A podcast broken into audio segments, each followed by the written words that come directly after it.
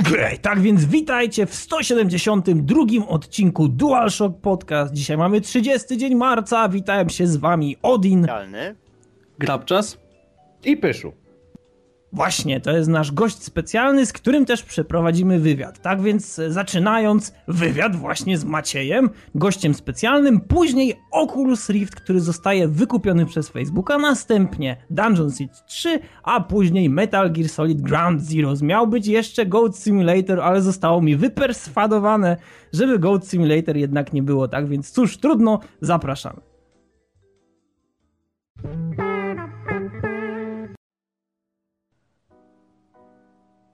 Okej, tak więc pierwszy temat, czyli obiecany wywiad z Pyszem. Pysz to jest e, taka osobistość, która została tutaj znaleziona przez Cialnego i wprowadzona w arkana podcastingu. Natomiast, e, żeby w ogóle przedstawić osobowość Pysza, później mam nadzieję też wyjaśnić jego obecność. Tutaj będę patrzył takim surowym okiem naczelnego, tak żeby też przedstawił w ogóle e, całą istotę przebywania Pysza w naszym podcaście, to myślę, że wypada też stworzyć taki temat wstępny, w którym Pyszu się przedstawi, powie kim jest i tak dalej, i tak dalej. Tak więc przygotowaliśmy pytania. Zwyczajne pytania, tak jak na zwyczajny wywiad. I zaczniemy od pierwszego pytania, tak żebyś mógł się tutaj nam wszystkim przedstawić, czyli kim jesteś, skąd pochodzisz? E, Okej, nazywam się Maciej, na nazwisko mam Pysz, stąd się wzięło Pyszu. Pochodzę z takiej metropolii e, w województwie zachodniopomorskim jak Szczecinek. E, Dużo osób myśli, że jest gdzieś koło Szczecina, ale nic bardziej mylnego. Zupełnie przeciwległy koniec województwa. Mm, Mała miejscowość. No to taka, taka, taka, taki szczecinek. Tak, taki Szczecinek. To tak prawie jak e, ten. No. Co, co tam? Sk- skąd wy jesteście w ogóle? nie, lepiej nie, co ty? Nie. Jaki Sosnowiec? O, no chodzi? właśnie, już wolę być ze Szczecinka niż z Sosnowca, nie? Mm. No dobra, okej. Więc e, myślę, że, że to już w miarę nam tutaj e, geolokalizację e, nastraja, czy też przedstawia. E, teraz drugie pytanie, czyli twoje zainteresowania, bo myślę, że każdy chciałby wiedzieć, czym się interesujesz na co dzień, no i też co robisz w wolnym czasie. To jest dobre pytanie, bo tutaj jest tyle tego, że nie wiem od czego zacząć. Myślę, że takim moim głównym hobby w wolnym czasie jest robienie nalewek i częstowanie nimi znajomych. To mi zajmuje zdecydowaną większość wolnego czasu. Właśnie takiego człowieka potrzebowaliśmy w DualShock. to, to, to, czyli już wyjaśniło się, co ja tu robię. Takich ludzi ten naród potrzebuje. Tak.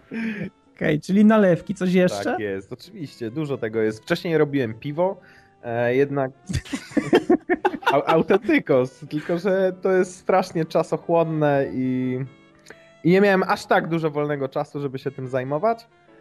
E, przerzuciłem się na nalewki, mniej czasu, lepszy efekt. Ale czemu akurat piwo zajmuje tyle czasu? Tak, jakbyś mógł pokrótce powiedzieć. Przygotowanie jednej warki, e, która ma powiedzmy 50 litrów, zajmuje około 8 godzin pracy ciągłej, non-stop. E, I potem trzeba tak czekać z miesiąc, dwa, żeby je przelać ponownie, co też zajmuje ze dwie godziny. Potem to trzeba zabutelkować po następnych dwóch miesiącach. No ogólnie, jak zaczynasz robić piwo od e, samego początku do efektu końcowego mija powiedzmy plus minus pół roku. A, Jezu. no, a nakład pracy, jaki musisz na to poświęcić w stosunku do 100 piw, które idą w jedną imprezę, to tak naprawdę jest no nieopłacalne. No a jak z jakością w Z takim jakością? wypadku? Mhm. Już ci mówię, im dłużej piwo leży, przynajmniej w teorii, tym później jest smaczniejsze. E, Ale jest to tylko teoria, żadne z moich piw nie, nie, ule, nie uleżało dłużej niż pół roku. Znaczy nie, no może przesadziłem. Tam niektóre takie specjalne, które robiłem okazjonalnie, okolicznościowo wytrzymały. Najstarsze, jakie miałem, miało 3 lata. E, I było bardzo dobre, ale niestety już go nie ma. Wyszło. No nie będzie. I nie będzie, no. I nie będzie, bo już po prostu zawiesiłem e, robienie piwa na rzecz, na Mhm. rzecz nalewek, ale nie żałuję, bo, bo jest super. Jak wyjeżdżam na jakiś wyjazd, to nie muszę targać trzech krat piwa, tylko biorę sobie jeden dodatkowy Cztery plecak. butelki. No, cztery butelki, tam pięciolitrowe i jest okej. To... Dobrze. A jak z jakością w takim wypadku i ile trwa proces? Wybacz, że pytam, ale szczerze powiedziawszy, ja się nigdy czymś takim nie zajmowałem. Ja tylko słyszałem piwa? kiedyś.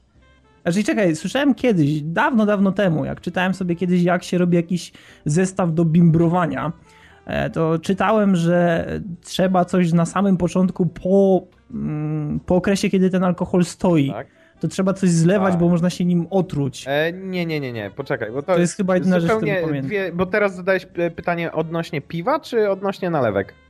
Czyli Znaczy, ogólnie przedstawiam tutaj swoje doświadczenie, które jest nikłe, natomiast pytam o nalewki. O nalewki. Jak jest To procesem tworzenia nalewek? Ja nie destyluję nalewek, bo w Polsce jest to zabronione. Kupuję po prostu gotowy alkohol ze sklepu i przygotowuję różne e, nastawy na owocach, zbożach. E, Ostatnio właśnie robiłem whisky na prażonym słodzie i taki prażony słód zalewam kupnym e, sklepowym spirytusem i to się tam maceruje w takim słoiku przez powiedzmy 2-3 miesiące.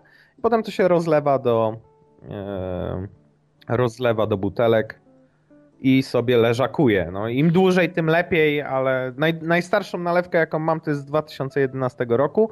No i wczoraj akurat się skończyła. A smakowo? Smakowo, no to musielibyśmy się spotkać, bo to jak ci powiem teraz, że są zajebiste i nieporównywalne Mhm. z czymkolwiek innym, e, co możesz kupić, no to możesz mieć wątpliwości co do tego, ale musiałbyś... Nie, jestem w stanie uwierzyć. Musiałbyś stanie spróbować. E, Najlepsze w nalewkach jest to, że nie czuć alkoholu, jakie pijesz. Pijesz jak soczek albo syrop, takie mocniejsze winko trochę, e, a ef- efekt jest taki, że, że trzeba z tym uważać po prostu, bo można bardzo łatwo przesadzić. Okej, dobra.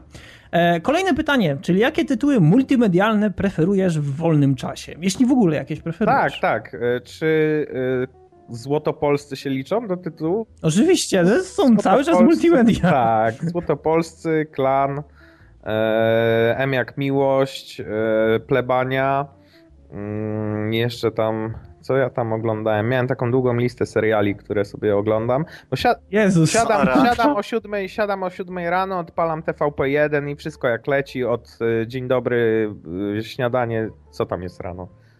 Nie no, E, żartuję. na śniadanie chyba. E, Żartuję. Akurat telewizji nie oglądam odkąd wyjechałem z domu na studia, to, to nie miałem styczności z telewizorem i w ogóle telewizji nie oglądałem, mnie to tam nie interesowało. A z tytułów multimedialnych, czyli pewnie chodzi o gry, to w Eee. pierwszej, w pierwszej kolejności e, moja ulubiona gra, e, w którą, na którą poświęciłem najwięcej czasu. Mm, hmm, ciężko by było teraz tak jednoznacznie to sprecyzować. Ale chyba najwięcej czasu poświęciłem niestety na Lola, który mi się już znudził i od dłuższego czasu nie gram.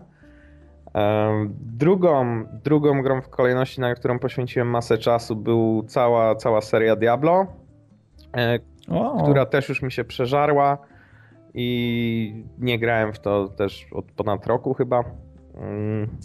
A w trzeciej kolejności, może nie poświęciłem na nią najwięcej czasu, ale bardzo, bardzo miło ją wspominam. Jest to gra Z. Nie wiem, czy kojarzycie. Jest to taka strategia starsza od was pewnie. I. No, to, to, to teraz żeś przywalił faktycznie klasykiem. Chociaż No. to bardziej zna, znam dosłownie z obrazków z czytania niż z grania. Akurat No to- nie przysiadłem się. to była moja ulubiona giera, do którą no do dziś wspominam i naprawdę jest bomba. Ale to jest ten RTS-ik z takimi y, robotami. Co Tak, O. Jezu, wspomnienia. Kocham. No. Tak, to, to właśnie, tą grę. moi drodzy, to były czasy, kiedy Cialny jeszcze grał.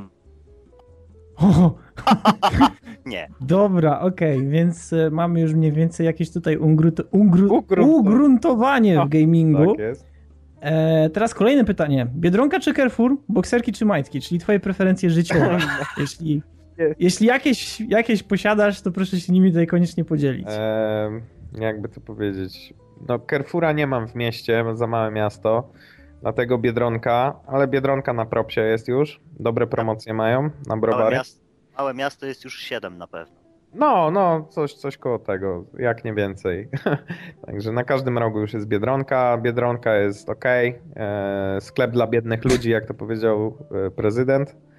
Tak. E, I, I lubię tam chodzić, bo się pa, dopasowuję. Lubię się tak z, e, z inną klientelą po prostu z, zasymilować. A fajnych i ciekawych ludzi można spotkać w kolejce w Biedronce, naprawdę. Ja widzę takich ludzi, którzy naprawdę pojawiają się w tej Biedronce tylko i wyłącznie po piwo VIP, które nie będę komentował, ja, ja jakim też, jest piwem, natomiast jest piwem chyba za złoty 90. Stary, nazywasz to piwem. To, to no już właśnie, samo w sobie jest abstrakcją. No, wiesz, niektórzy, niektórzy takie preferują. Ważne, żeby było taniej, mocno kopało, tak więc... Nie, to, Kopie to na pewno po wątrobie co najwyżej. Też może być. Przecież nikt nie powiedział, że ma kopać gdzie indziej. Okej, okay, e, teraz chyba pytanie, które myślę tutaj... Jeszcze. Słucham? Gacie jeszcze było pytanie.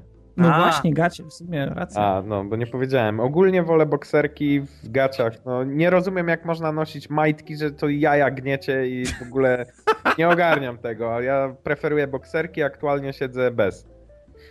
O, o, o widzicie. Można i, i, tak, to jest dobra informacja. Okej, okay, dalej, czyli e, skąd zainteresowanie cosplayem? Dlatego, że tutaj ludzie, którzy nas słuchają, mogą tego nie wiedzieć. Ty jesteś dość mocno teraz związany ze sceną cosplayową w Polsce, mimo że jakiś czas temu jeszcze nie byłeś, jak sam powiedziałeś. Tak. Czyli skąd zainteresowanie cosplayem oraz jak długo się już tym zajmujesz? E, temat jest nie, niezwykle świeży, bo e, zacząłem swoją przygodę z cosplayem jakiś miesiąc temu.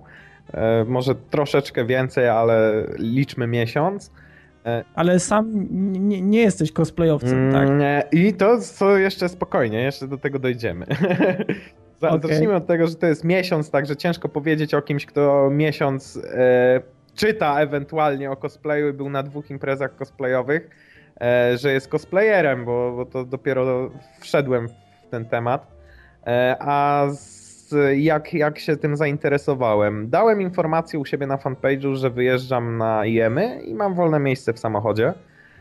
I odezwała się do mnie moja sąsiadka, e, która zajmuje się cosplayem od 4 lat, a ja po pierwsze nawet jej nie znałem, nie wiedziałem o tym. E, I się spytała, czy, czy się może zabrać. No i tak, tak się urodziło wszystko. Jest to e, Lirbis Velhikaru. Bardzo marketingowa nazwa, łatwa do wymówienia i zapamiętania. Każdy zapamiętuje od razu, jak się mówi. Czyli, że nie. E, Legardium Leviosa. Tak, Leviosa, dokładnie, mniej więcej tak. E, no i z tego, co widziałem, no jest, jest dobra w tym, co robi. Dobra reklama. Dobrze. Bardzo. To znaczy e, dla niej, czy dla mnie? tak. Nie wiem. Jedno i drugie, spokojnie. Tak.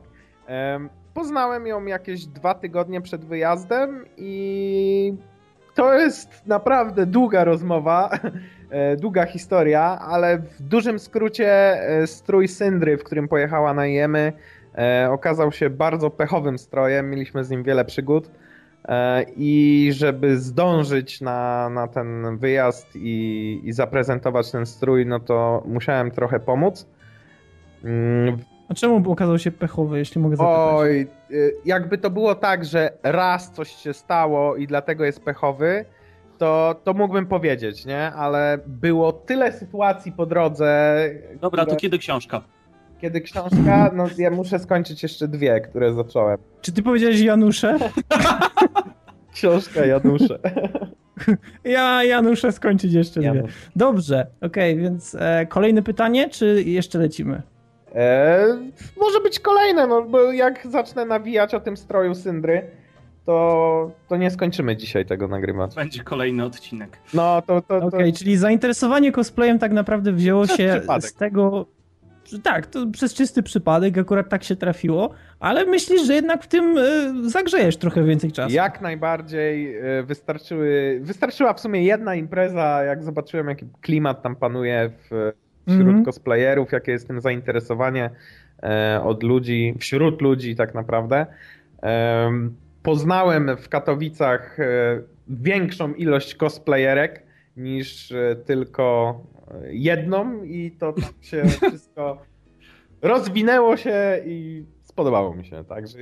Okej, okay. mi się bardzo podobało na twoim profilu e, te Legardium Leviosa, to zdjęcie z tymi dwoma gośćmi, którzy mieli te po prostu takie no to też e, maski z tego Legardium Leviosa.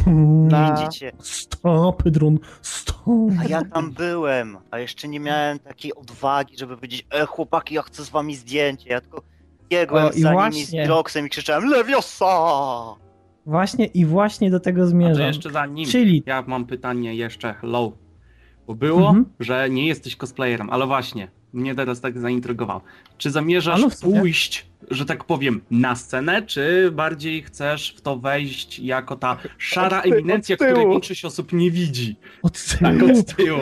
Chcę wejść od tyłu w cosplay. E, słuchaj, dobre, dobre pytanie, bo jak poznałem Violetę i patrzyłem jak się robi ten strój, bo tak naprawdę ja jej tylko pomagałem, tam nie, nie, nie byłem jakimś jej mentorem w tym, bo nie miałem o tym zielonego pojęcia, to ona mówiła co, co, co trzeba zrobić i jakoś tam e, próbowałem jej pomóc. Jak zobaczyłem, ile z tym jest pracy, jakie trzeba mieć zdolności, żeby coś takiego zrobić, e, no to wtedy stwierdziłem, że nie ma opcji, żebym ja się tym zajmował. Ja robił jakieś stroje i w nich chodził. Um, nawet jakby ktoś miał mi zrobić strój, to też postanowiłem sobie, że ja nie będę wychodził w żadnym stroju na żadne sceny i tam. Po prostu moja twarz nie jest aż taka e, medialna, żeby sobie ludzie chcieli ze mną zdjęcia robić. I postanowiłem, że nie ma takiej opcji. Na, po IEM-ach, w sumie na Pyrkonie, na Pyrkonie sytuacja się zmieniła, bo nie było ani jednej takiej postaci, w którą, za którą chciałbym się przebrać i, i po prostu zostać tak e, cosplayową postacią z gry, czy tam z, e, z jakiegoś filmu, czy bajki. A urodziło się zupełnie przez przypadek na spotkaniu z Andrzejem Pilipiukiem. Urodził się pomysł, żebym się przebrał za główną postać, e, którą on opisuje tam w swoich książkach, a mianowicie o, Jak- o Jakubie Wędrowyczu. Ojoj. I chciałem się przebrać za Jakuba Wędrowycza i pójść w tym stroju na 18 urodziny Expo CD Action. O, O, ja, wiesz co, ja myślę, że jeżeli ogólnie będziesz, Cały, to będziemy mieli prufy na to. e, ja myślę, że cały problem właśnie z cosplayem mężczyzn jest taki, że mężczyzna ma o tyle kiepsko, że się nie urodził kobietą. No tak, to jest główna, to, I to jest ten główna główny wada problem. cosplayerów. Jest taka, że nie, że nie są cosplayerkami. No. Dokładnie. Bo, może ja nie Okej. tyle się interesuję cosplayem, co cosplayerkami. Ale ja jestem w stanie to całkowicie zrozumieć. E, kolejne pytanie. Jaka była twoja najciekawsza znajomość, jaką do tej pory nawiązałeś? Um, No nie, nie, nie, spokojnie. E, Poznałem takiego jednego Rafała z e, tego, z Gdańska. Tak? Nie, żartuję. To znaczy, Nie no, spoko, joki, joki. em, Czepił się kundel taki. tak. Ale wam chodzi o męskie znajomości, czy nie męskie? Jezu, ja nie wiem, o czym chcesz mówić. Aha, rozumiem. Jak chcesz mówić o męskich, no to pro, ja nie będę cię O tych, patrzył. o tych ciekawszych znajomościach to może nawet to, to nie chciałbym mówić, bo to, bo to akurat ciekawość tej znajomości wynika z tego, że to są takie rzeczy, o których raczej średnio się opowiada. E, a I bardziej prywatne po No prostu. dokładnie, no jak ktoś będzie kiedyś chciał i się spotkamy gdzieś na jakimś e, konwencie, to możemy iść na aftera, bo to głównie po to jeżdżę na takie konwenty, żeby się spotkać z ludźmi i Mhm. tam zintegrować. E, To zapraszam. I na pewno nie jedną historię po drodze usłyszy. Okej, czyli to na razie pozostaje tajemnicą. Dobrze, tak więc kolejne pytanie. Jaka była twoja najśmieszniejsza sytuacja, której byłeś świadkiem? Bo na pewno wiele takich jednak miałeś. Miałem ich bardzo dużo. Teraz jest akurat jedna z Pyrkonu na ciepło. Mm, Była to sytuacja, e, gdzie kończył się już Pyrkon, była niedziela i e, i chodziłem tam po tym Pyrkonie z Violetą. Ona już kończyła pozowanie do zdjęć, robienie fejmu i prezentację stroju. No i chciała się przebrać z tej syndry na e, normalne ubrania. Zadzwoniła do mnie, żebym przyniósł jej coś na ten strój, żeby mogła go zapakować. Nic ze sobą nie miała i powiedziała, że jest w łazience e, i będzie tam czekała, żebym coś przyniósł, a ona się w tym czasie przebierze. I teraz, jak wszedłem do tego pawilonu, w którym miała być, to tych łazienek tam było tyle, że teraz ogarnąć, w której konkretnie ona mm, była, to, to był z tym delikatny problem. Ale zauważyłem jednego chłopaka, który stał przy wejściu i trzymał jej kulę e, od, e, z przebrania, kulę syndry. No i skojarzyłem, że to musi być akurat w tej łazience. Podszedłem do gościa, się pytam, mówię, e, cześć kolego, widzę, że tutaj masz kulę, to, czy to jest kula tej syndry, co tutaj chodziła po tym pyrkonie? No, no, no, to jest tej syndry. Ja mówię, tej takiej zajebistej, tej, tak, tak, no, no, no, to jest tej. Ja mówię, skąd ty ją masz? No bo ona podeszła do mnie i widziałem, zagadała i, i czy, czy ja mogę jej potrzymać tą kulę przez chwilę. No i wtedy ja z nią rozmawiałem i ona dała mi tą kulę i teraz trzymam, a ona się tam w łazience przebiera. Ja mówię, I teraz trzymam. Stary, stary, to ty rozmawiałeś z Syndrą? Przecież ona jest tak zajebista, naprawdę z nią rozmawiałeś? No kurde, pewnie, że z nią rozmawiałem, zobacz, nawet mamy jej kulę. Mówię, ja, kurczę, stary, ty, a, bo ja, ja jej szukam, nie, ale jak ona już tu jest i ty masz tą kulę, a jej nie ma, ty to, to znasz ją, tak? No kurde, rozmawiałem z nią, z 5 minut z nią rozmawiałem, nie? Mówię, ty to, a może zrobimy, mogę sobie zrobić z tobą zdjęcie? No pewnie, kurde, patrz tutaj. I zapozował ze mną do zdjęcia, zrobiliśmy sobie to zdjęcie z kolesiem. On zadowolony. E, I w tym momencie wyszła właśnie Violetta z e, łazienki, już przebrana, i on w ogóle jej nawet nie poznał, że to była Syndra, która podeszła do mnie i zaczęła tam pakować do, do, do, do tej torby mm, e, ten strój Syndry i koleś miał delikatne zdziwko. No okej, Ej, to no się, dobra. to się no. chyba tylko wytnie, nie? Bo tak jak... Nie, nie, ja myślę, jak, że jak, na żywo, jak na żywo to było, to po prostu my tam leżeliśmy ze śmiechu, bo byliśmy jeszcze z, e, z Julią i tam z dwoma kolesiami, którzy wiedzieli o co chodzi i po prostu klimat się tak fajny wkręcił, że wydawało mi się to całkiem fajną historią, ale teraz jak to opowiedziałem, Ale wiesz To co, to tutaj taki osoby trzecie- człowieka, osoby mam trzecie wrażenie, mogły tego nie rozumieć.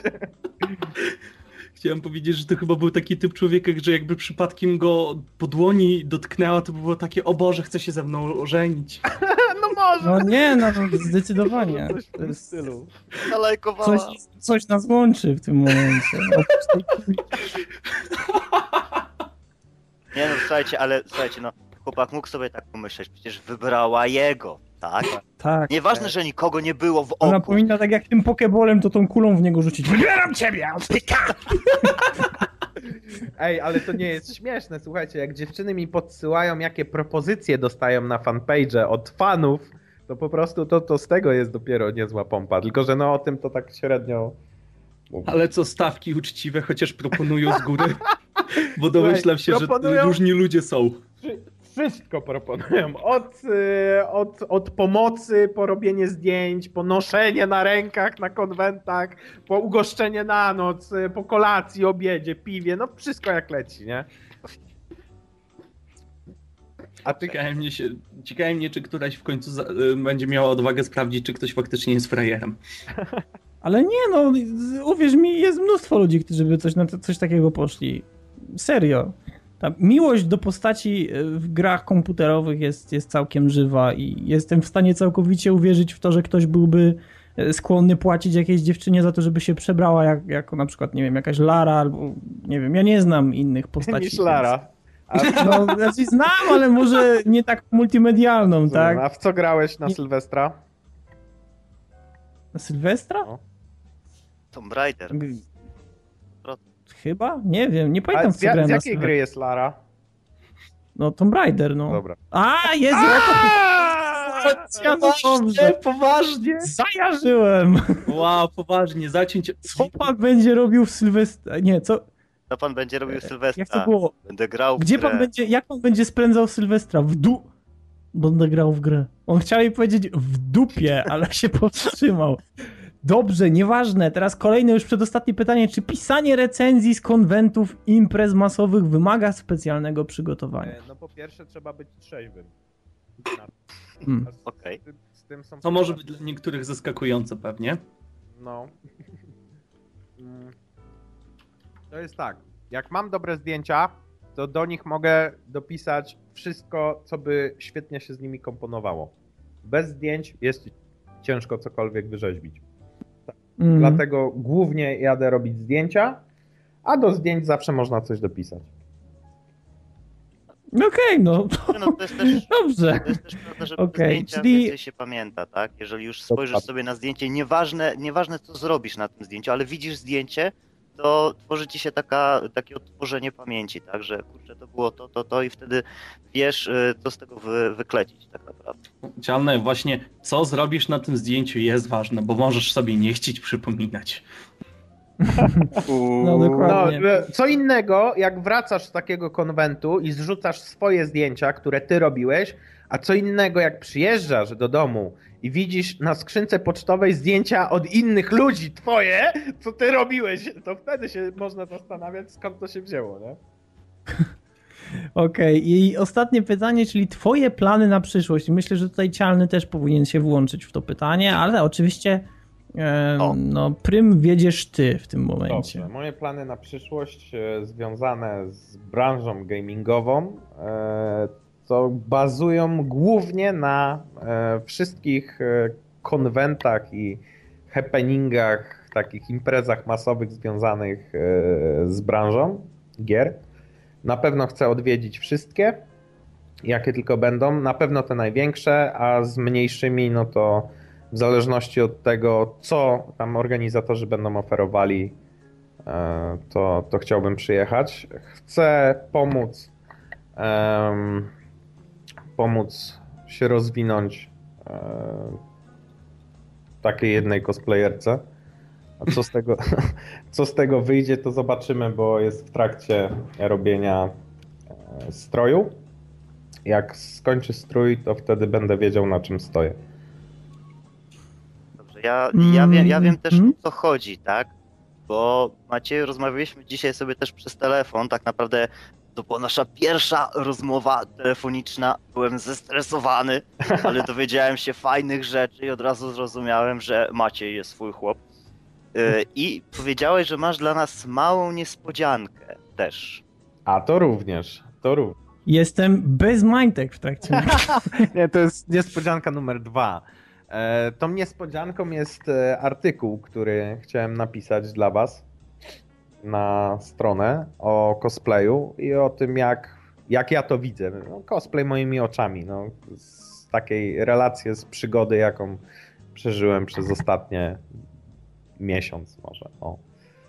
Mhm. Także jakby mm, ktoś był zainteresowany tematyką i chciał popatrzeć na zdjęcia tak hot, fajnych lasek w strojach e, z gier, które, w które tam gracie na co dzień, to zapraszam do, do tego artykułu, który ukaże się, nie wiem, na dniach. No Okej, dobra. No to ja myślę, że wywiad był całkiem fajny. No i dziękujemy ci Macieju. Czy będziesz z nami w ogóle do końca tutaj w nagraniu? E, wiem, że muszę iść na fajkę. Także jak, jak Okej. zrobimy jakąś przerwę techniczną, to wracam i na pewno coś sobie pogadamy, ok? Okej, dobra. super. No to w takim wypadku dziękujemy ci za wywiad i zapraszamy na fajkę. Dzie- Dziękuję bardzo. E, do usłyszonka.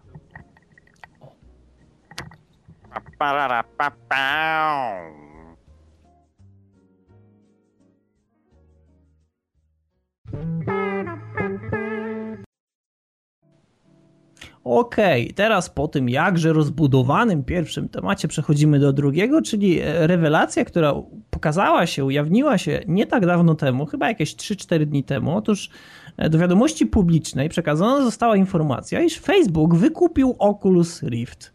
Teraz myślę, że to jest jedna z tych rzeczy, której ja w ogóle się nie spodziewałem. I myślę, że nie ma zbyt wiele osób, które mogły przewidzieć w ogóle taką sytuację, bo po co Facebook miałby wykupować Oculus Rift? I teraz z racji tego, że Grabczas zasugerował, że może byśmy o tym powiedzieli, no to Grabczas przykro mi bardzo, ale może rozwiniesz temat. Nie no, generalnie po- poniedziałek w pracy jak gdyby nigdy nic, tak? Dowiaduje się, że o, wchodzi nowy devkit Oculus Rifta, dobra, super, no dobra, projekt się rozwija, naprawdę fajny dzionek. I bodajże to chyba we wtorek dokładnie weszło. E, Rano sprawdzanie Facebooka, Oculus Rift wykupiony przez Facebooka.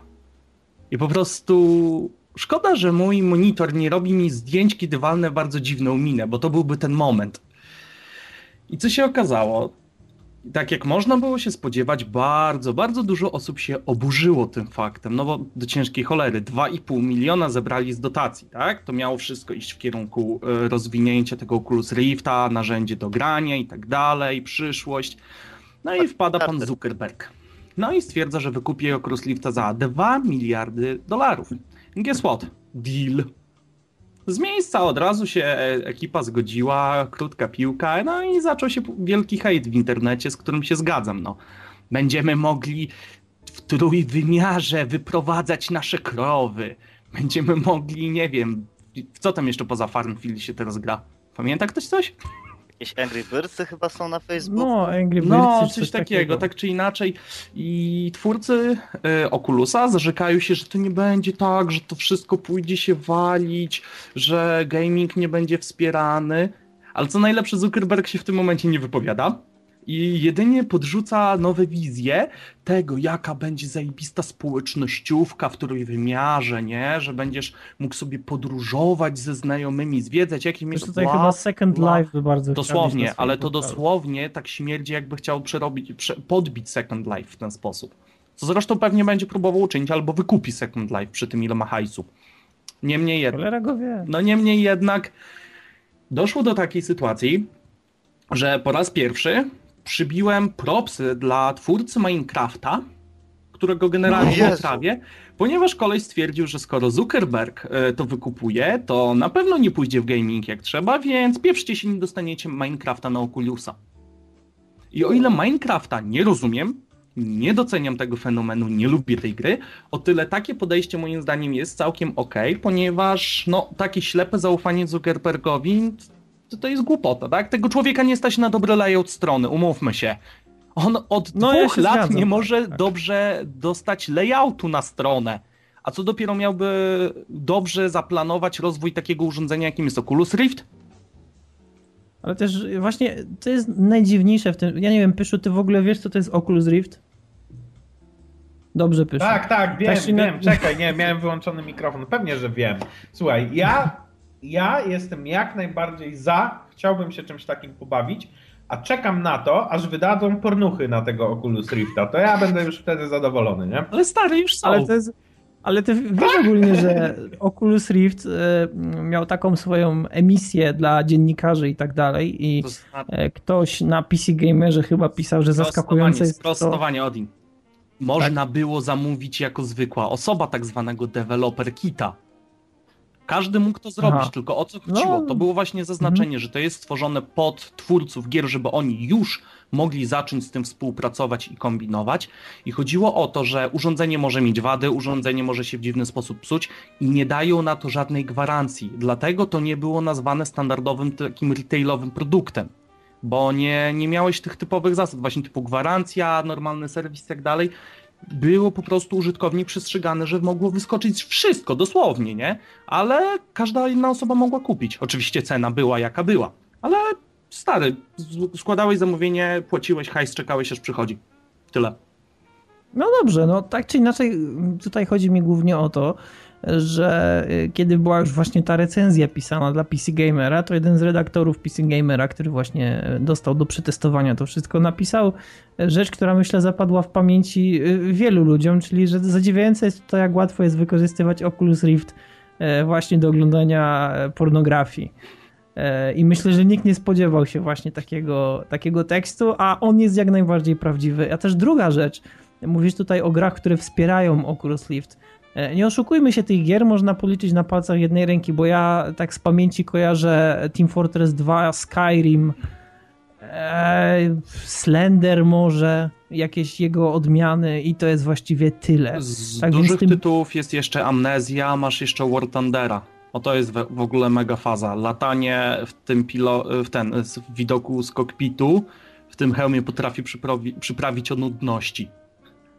No i Dobrze. właśnie teraz zastanawia mnie to wszystko, bo Ja osobiście y, nie będę udawał, nie jestem osobą, która korzysta z Facebooka i tak jak ty nie rozumiesz fenomenu Minecrafta, co ja też akurat jestem dość bliski właśnie tego podejścia, tak ja też nie rozumiem fenomenu Facebooka. Nie jestem zwolennikiem Facebooka i ogólnie rzecz biorąc portalu samego w sobie nie lubię. Tak więc tym bardziej zastanawia mnie, co w tym momencie, on się nazywa Mark Zuckerberg, Zuckerberg, tak? tak. Zuckerberg, e, co ten człowiek, albo też ludzie, którzy decydują za niego, bo to też nie jest powiedziane, że to konkretnie on, ale co on widzi e, korzystnego w wykupywaniu technologii, która jest przeznaczona bezpośrednio do gier. I to wcale nie taniej technologii, bo przecież cały element taki przetargowy w Facebooku, może nie, nie cały, ale E, jego bardzo duża część to jest, że każdy może się zarejestrować, przez co jest ogromna ilość ludzi, która przesiaduje na Facebooku, głównie dlatego, że jest za darmo. Oculus Rift nie jest urządzeniem, które można rozdawać na lewo i na prawo.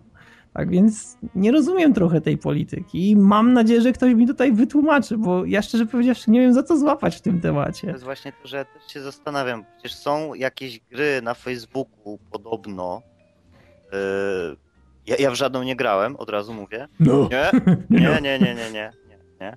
I to w większości są z tego, co się widzi, jakieś, jakieś proste apki, tak? Jakieś nic nie wymagające. Nie wiem, czy są w ogóle jakieś gry w trójwymiarze na facebookowe, przeglądarkowe, coś takiego? Ktoś coś wie? Macieju, wiesz coś? Nie wiesz nic? Nie, nie, ja, ja na Facebooku w ogóle nie gram w żadne gry, także to nawet ci nie powiem o Farmville nic. Aha.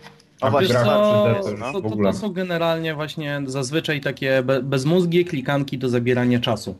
No tak, tak, i do jakichś tam e, mikrotransakcji. Więc po co, tutaj ponownie pytanie od Ina, po co e, Zuckerbergowi czy Zuckerbergowi, gościowi od Facebooka, e, technologia wirtualnej rzeczywistości, tak? To jest, nie wiem, chyba, że my o czymś nie wiemy i oni właśnie kombinują nad jakąś taką nad jakimś takim drugim życiem, tak? Nie, ale to grze. wiesz, już jest, jest, już powiedziane, że właśnie chodzi o zrobienie takiej możliwości spotkania ludzi przez ten internet, żeby pojęcie social media było jeszcze takie w cudzysłowie bardziej namacalne, tak? Czyli ale ja, ja podejrzewam, że ktoś chce konkurować z Google Hangouts e, bardzo. E, raz, że na pewno Hangouts, bo umówmy się, Facebook z Googlem będzie się tłukł, dopóki któryś się nie zatłucze, albo dopóki Google nagle nie wpadnie na pomysł, że może ściągać w ogóle z jeszcze innej paczki hajs i mieć w dupie Facebooka. To jest raz. Dwa, e, to co powiedział Odin, The Second Life. Albo próba przebicia tego, albo w przyszłym roku dowiemy się, że Second Life zostało wykupione przez Facebook. Na co bym się no. cholera nie zdziwił, wydali 2 miliardy dolarów na Oculusa. A propos właśnie, e, bardzo mi się podobało przetłumaczenie w jednym poltaru informacyjnym, bo w Stanach Zjednoczonych nie funkcjonuje pojęcie miliardy, tylko biliony. A, tak. I teraz niestety. możecie sobie wyobrazić, jak ktoś przetłumaczył e, tą informację na język polski. Dwa biliony dolarów. Ale wiesz, co jest najlepsze? W brytyjskim, e, czyli brytyjskim? Czy w australijskim. Wiem, że Amerykanie biliony po swojemu, a właśnie to pewnie ktoś mnie w komentarzach poprawi, po amerykańsku, że bilion to jedno, ale ogólnie w angielskim właśnie nie pamiętam, w której dokładnie, gdzie dokładnie tego używają. Bilion to jest jeszcze inna ilość zer, tylko musiałbym to sprawdzić, a teraz mi się nie chce łazić po Wikipedii. No okej, okay, no dobra. Tak czy inaczej, ja myślę, że tutaj ten temat pozostaje mocno otwarty. E, i możemy tylko i wyłącznie spekulować. Ja już widziałem w internecie mnóstwo informacji, coś na zasadzie, e, co to może znaczyć dla nas, dla użytkowników Facebooka i tak dalej. E, wątpię, żeby cokolwiek w najbliższej przyszłości, bo jednak ta inwestycja jest bardzo świeża i no jakoś nie potrafię sobie wyobrazić, żeby nie wiem, w ciągu najbliższych kilku miesięcy zauważyć jakąś tragiczną czy znaczącą zmianę w Facebooku. Tak jak tego portalu nie lubię, tak myślę, że nic się z nim wielkiego nie stanie. A ogólnie rzecz biorąc, to myślę, że mimo wszystko ta, ta inwestycja była po prostu głupia. To jest tak jak kupować na polskie drogi samochód, który jest, e, no powiedzmy, takiej bardzo wysokiej klasy Czekaj. i tak dalej. To jest fajne, ale nic z nim nie zrobisz. Jak, jak go możesz wykorzystać? Możesz go wykorzystać tylko i wyłącznie na torze i w tym wypadku... Musiałbyś mieszkać w Poznaniu.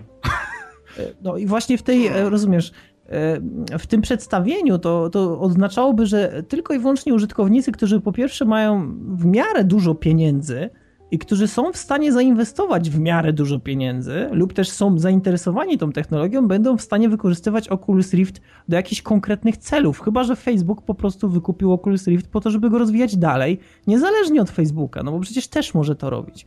Chociaż wydaje mi się, że e, tak jak marketingowo Oculus Rift na samym początku był popularny, a potem, że tak powiem, przymarł, i e, mocno się zdziwię, jeśli ktoś się ze mną nie zgodzi tutaj, bo jeśli spojrzeć na zainteresowanie Oculus Riftem, to wcale ono nie jest takie duże, jak, jak, jak można było przewidywać.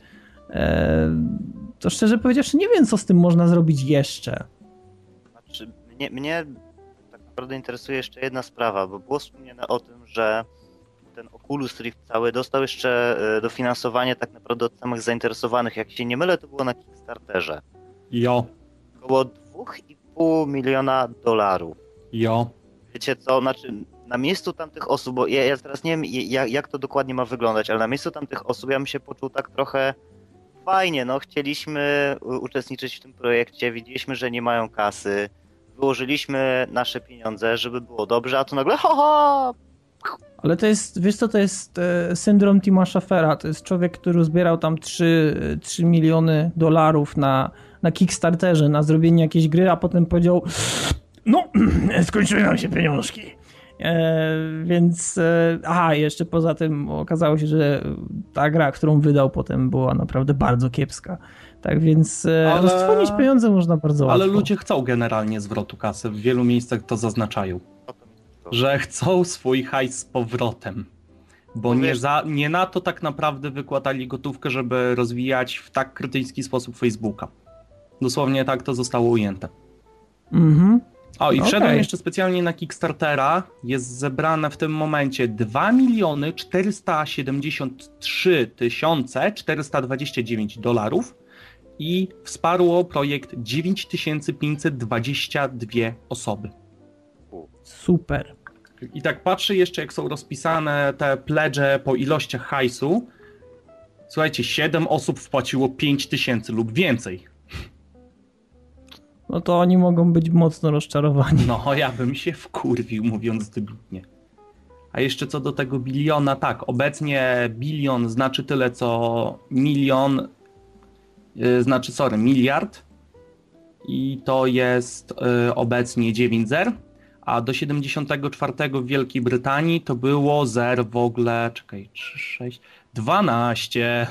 Tak, wiesz, miary imperialne, tak, e, e, funty, stopy, łokcie, w ogóle wspaniałości same. Ja, ja nie wiem, jak można jakiekolwiek obliczenia inżynieryjne wykonywać w stopach, to jest przecież... Ty, ale badanie socjologiczne na ilości tępych chujów można by zacząć prowadzić w stopach. E, dobrze, tak więc myślę, że tyle wystarczy e, tym tematem i przechodzimy już dalej. Pogadaliśmy o Oculusie, nie wiadomo co z tego wyniknie, przyjdzie nam jeszcze trochę poczekać.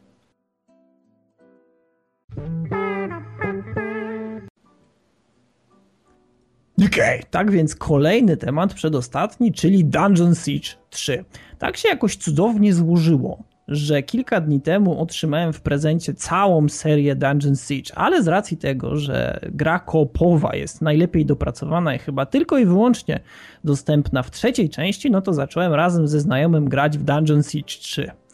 E, jak na grę wydaną w czerwcu 2011 roku, to szczerze powiedziawszy byłem bardzo, bardzo mocno zaskoczony, dlatego że nie dość, że wygląda ona naprawdę bardzo fajnie, to przy okazji jeszcze gra się w nią bardzo przyjemnie. I zresztą została wydana na konsolę, tak więc tym bardziej się zdziwiłem, kiedy zacząłem grać na klawiaturze, kiedy pierwszy raz uderzony pad zaczął wibrować gdzieś z boku na stole, tak że wszystkich w domu obudził. Niemniej, całkiem pozytywne wrażenia. Pomyślałem, że się z wami tutaj podzielę, bo myślę, że można bardzo łatwo to przeoczyć. A dla wszystkich fanów takiej gry jak na przykład Kingdoms of Amalur albo na przykład Dragon's Age, no wydaje mi się, że Dungeon Siege 3 jest całkiem dobrą propozycją, chociażby z tego powodu, że wygląda bardzo podobnie i to jest takie wrażenie, którego ciężko się jest pozbyć, bo jakby na, jakby na to nie spojrzeć, to mamy rzut izometryczny, niemniej możemy poruszać kamerą w lewo, w prawo, możemy odrobinę ją przybliżyć albo odrobinę ją oddalić. E, mamy rozmowy między postaciami, które również najeżdżają mniej więcej w takim mass-efektowym stylu, pokazując je mniej więcej od pasa w górę oraz cały ten horyzont tam e, drzewa, krzaczory, czy na przykład jakieś miasto w tle, gdzie oczywiście ruszają się ludzie i, e, i życie to miastowe jest cały czas widoczne. Tak więc to jest naprawdę bardzo ciekawe podejście do gry, która. E, teraz pytanie tutaj do Grabczasa, bo Grabczas miał mnie tutaj poprawić. Czy wyszła wcześniej od Kingdoms of Amalur, czy wyszła później? E, Dungeon Siege 3 wyszedł wcześniej. Wcześniej, czyli można powiedzieć, że tak naprawdę to Kingdoms of Amalur mógł się wzorować na tym tytule. E, chociaż szczerze powiedziawszy, wydaje mi się, że jeśli chodzi o samą prezentację, to tak jak grałem w Kingdoms of Amalur, nie skończyłem tej gry, natomiast grałem w nią dość, dość sporo czasu. E, mój znajomy, który właśnie e, gra razem ze mną teraz w Dungeon Siege 3, skończył Kingdoms of Amalur razem ze wszystkimi dodatkami po 150 godzinach. Tak więc... E, widziałem część jego let's play, widziałem część jego streamów, oczywiście nie wszystkie, natomiast wydaje mi się, że Dungeon Siege 3 jest grą o wiele przyjemniejszą dla oka. Chociażby z tego powodu, że kolory są zupełnie inaczej dobrane. Tutaj mamy e, ten dungeon crawler, taki typowy crawler, czyli ujęcie tych bardziej takich posępnych, tych bardziej takich zgniłych kolorów, e, niż na przykład w Kingdoms of Amalur, kiedy trafiamy na coś, co jest wyjątkowo seledynowe, bije po oczach e, i człowiek wręcz mruży powieki, żeby broń Boże nie zrobić sobie krzywdy, kiedy gra w nocy. Tak więc wydaje mi się, że po części Dungeon Siege 3 wypada tutaj lepiej. Poza tym Dungeon Siege 3 ma tą przewagę, że oprócz tego, iż mamy do dyspozycji te pseudo-industrialne klimaty, e, które ocierają się poniekąd o ten design a la Diablo, to mamy również steampunk. E, czyli możemy znaleźć się w takiej sytuacji, że na przykład e, pojawimy się w mieście, które napędzane jest parą i wokół nas przelatują różne balony, ulice mają poniżej jakieś wielkie mechaniczne tryby, które się o siebie ocierają, budynki wyglądają tak, jakby były normalnie wyciosane z jakichś miedzianych konstruktów, tak więc naprawdę wygląda to bardzo ładnie. A już kompletnie myślę, e, przechyla na swoją stronę, kiedy trafiamy gdzieś do jakichś piekieł, e, gdzie okazuje się, że diabły poruszają się na jakichś dziwnych górskich kolejkach i to naprawdę wygląda fajnie. To nie jest śmieszne, to nie jest zaprojektowane w taki sposób, żeby mm, traktować to jako komedia albo jakąś, jakąś parodię, E, ale jest zaprojektowane tak, żeby wyglądało niemalże jak e, typowe rysunki z Magic the Gathering. Jeśli ktoś kojarzy tutaj, to takie naprawdę deep fantasy czy dark fantasy, jak to kiedyś powiedział bardzo fajnie Jaracz. E, tutaj w Dungeon Siege naprawdę znajdujemy wiele takich elementów, które są do tego podobne, natomiast gra wyjątkowo mocno jednak jest spowinowacona trochę z kierunkiem artystycznym Diablo 3, bądź też właśnie Kingdoms of Amalur. Ach, ach, ach, poniekąd, poniekąd też Dungeon Siege. Słucham? Cały czas ten Kingdoms of Amalur. Ja, ja muszę się tutaj wtrącić, Odin, bo dla mnie y, Kingdoms of Amalur, z tego co ja pamiętam, a skończyłem tą grę prawie całą, może nie wszystkie dodatki, ale, ale dużą większość i zajęło mi to naprawdę sporo czasu, to ja nie wiem, czy te gry można aż tak idealnie połączyć, tak? Bo King, Kingdoms of Amalur był bardziej y, taką trzeciej osoby grą, ale trochę bardziej przybliżoną, tak? Bardziej wizualnie podobną do Wieśka. To nie był taki typowy, nazwijmy to... Ale ja tylko jest... kierunki artystyczne porównujecie e, na razie. Wizualność trochę tak, chociaż w Amalurze, tak jak już wspomniałeś, on był trochę bardziej, fajne słowo, oczojebny.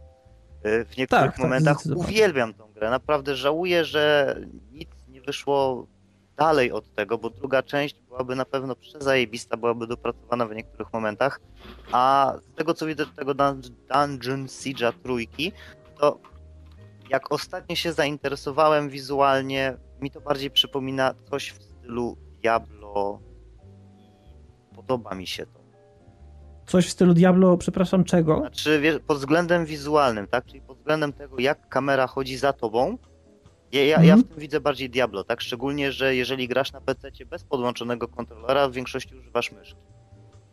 Dochodzenia. E, powiem ci szczerze, że akurat o dziwne, jest, o, dziwne jest to, że e, ja z powodzeniem gram na kontrolerze, e, a to głównie z tego powodu, że on zaczął wibrować i e, naprawdę nie zauważam jakichś wyraźnych, wyraźnych różnic pomiędzy graniem na kontrolerze a graniem na klawiaturze. Wręcz powiedziałbym, że na korzyść jest granie na kontrolerze, bo sama gra została zaprojektowana właśnie z myślą o konsolach.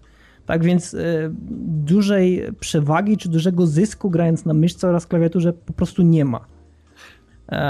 Natomiast y, to, co chyba jest bardzo fajne, jeśli rozmawiamy o Dungeon Siege'u, y, to jest fakt, że producentem jest Obsidian Entertainment. Czyli jeśli ktoś nie kojarzy, za co jest odpowiedzialny Obsidian, no to on jest na przykład odpowiedzialny za takie gry jak Fallout New Vegas, Knights of the Old Republic, albo na przykład Neverwinter's Night. E, konkretnie chyba druga część. Tak więc e, mamy tutaj raczej firmę, która ma doświadczenie z tworzeniem takich gier. E, z tym, że tutaj właśnie pojawia się problem. Z tym, że tak jak same konwersacje, które czasami pozwalają nam poczuć się co nieco jako taki detektyw, bo na przykład już w początkowych fazach gry możemy zacząć pogłębiać tak jakby naszą wiedzę, zadając pytania, które powodują, że ścieżka tej konwersacji zaczyna coraz bardziej się rozwijać, co jest bardzo fajne, bo ona z początku w ogóle nie jest widoczna i tam chyba maksymalnie na ekranie może znajdować się sześć sześć e, linii tych rozmów i potem możemy tak naprawdę odkrywać kolejne, brnąc w jedną naszą wybraną. E, tak mimo wszystko, chyba to, co jest wielkim minusem, to fakt, że fabuła jest no, strasznie miałka. Powiedziałbym nawet, że jest słaba i to tak bardzo. Głównie z tego powodu, z tego co ja zauważyłem, E, I jak to mniej więcej zrozumiałem, bo przyznam się, że już na samym początku mocno mi to odrzuciło i stwierdziłem, że ta gra na pewno nie będzie grą, która ma dobrą fabułę, która fabularnie wciąga. E, więc e, jak to mniej więcej wygląda? Mamy legion, czyli takich obrońców ludzi, którzy pamiętają się po tym śródziemiu, nazwijmy to tak, E, czy tym całym świecie Dungeon Siege i mamy też monarchię, która e, również pamięta się po tym świecie i w pewnym momencie jakiś król zostaje zabity i prawdopodobnie jest to król, e, który do tej pory był, że tak powiem, odpowiedzialny za całą tą, za całą tą siłę tego legionu, który zajmował się ochroną ludzi. I teraz jakaś kobieta pojawia się w tle, która przewraca praktycznie cały ten system, e, wzywa ludzi do powstania, wywołuje rewoltę i zaczyna ścigać wszystkich tych ludzi legionu, posądzając ich o zdradę. I teoretycznie my znajdujemy się mniej więcej e, kilkanaście czy kilkaset lat już po tym wszystkim, już tutaj nie pamiętam, czy to było 100 lat, czy, czy 10, nieważne. E, tak czy inaczej, no, odnajdujemy się mniej więcej w tym wszystkim po tym jakimś czasie i musimy coś zrobić. I teraz gra wprowadza nas mniej więcej w ten sposób, że nagle pojawiamy się przed jakimś e, ośrodkiem wypoczynkowym. Nie wiem do końca, jak to przetłumaczyć. Nie wiem, to jest asylum of coś tam już bez znaczenia, dlatego że to jest początkowa lokacja i nagle wokół nas ściełają się gęsto trupy i musimy reagować. Musimy iść sprawdzić, co się stało i oczywiście bronić biednych ludzi przed złymi e, legionistami czy też monarchistami. Cholera wie. E, mocno jestem zawiedziony, naprawdę, bo Obsydian jednak przyzwyczaił mnie do tego, że fabuła, e, fabuła jest o wiele lepsza chociażby właśnie Knights of the Old Republic, przecież nie oszukujmy się, gra była e, fabularnie naprawdę dobra. Może nie tak dobra jak pierwsza część, natomiast była dobra.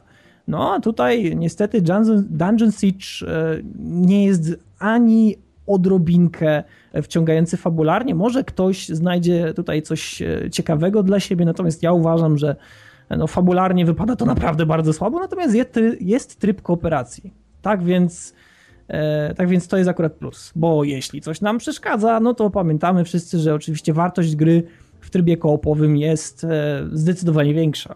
I e, Teraz jeśli chodzi o sam... No. To może właśnie być wytłumaczeniem, dlaczego cała fabuła może być trochę miałka, bo wtedy nie moglibyśmy tego złączyć w koopa.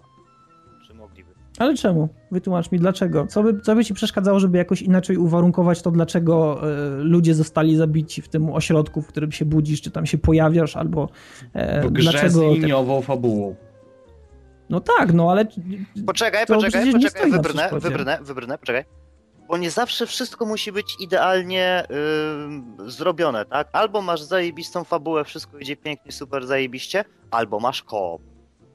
No i tutaj pojawia się Metal Gear, który mówi fuck you! I have nie no. będziesz miał niczego. Nie, mam... nie będziesz miał niczego. E, tak, e, słuchaj, tak jeszcze w sumie wtrącając a propos Dungeon Siege 3, miałka fabuła i tak dalej. E, z czym to się może wiązać? Z tym, że Dungeon Siege 3 owszem było tworzone przez Obsidian, było wydane przez Square Enix, ale Dungeon Siege jako saga została stworzona przez zupełnie kogo innego. No tak, tak, to się zgadza. Tak, akurat. tak, ale to warto o tym wspomnieć, ponieważ to studio, teraz specjalnie jeszcze sprawdziłem, Gas Powered Games stworzyło pierwsze dwie części i to, co Cian zwróciłeś uwagę, że kojarzy ci się z Diablo. Pierwszy Dungeon Siege miał konkurować właśnie z Diablo 2.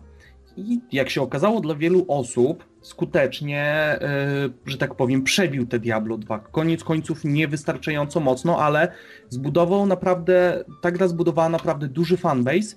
Wiem, że dwójka generalnie była uznawana za fenomenalną.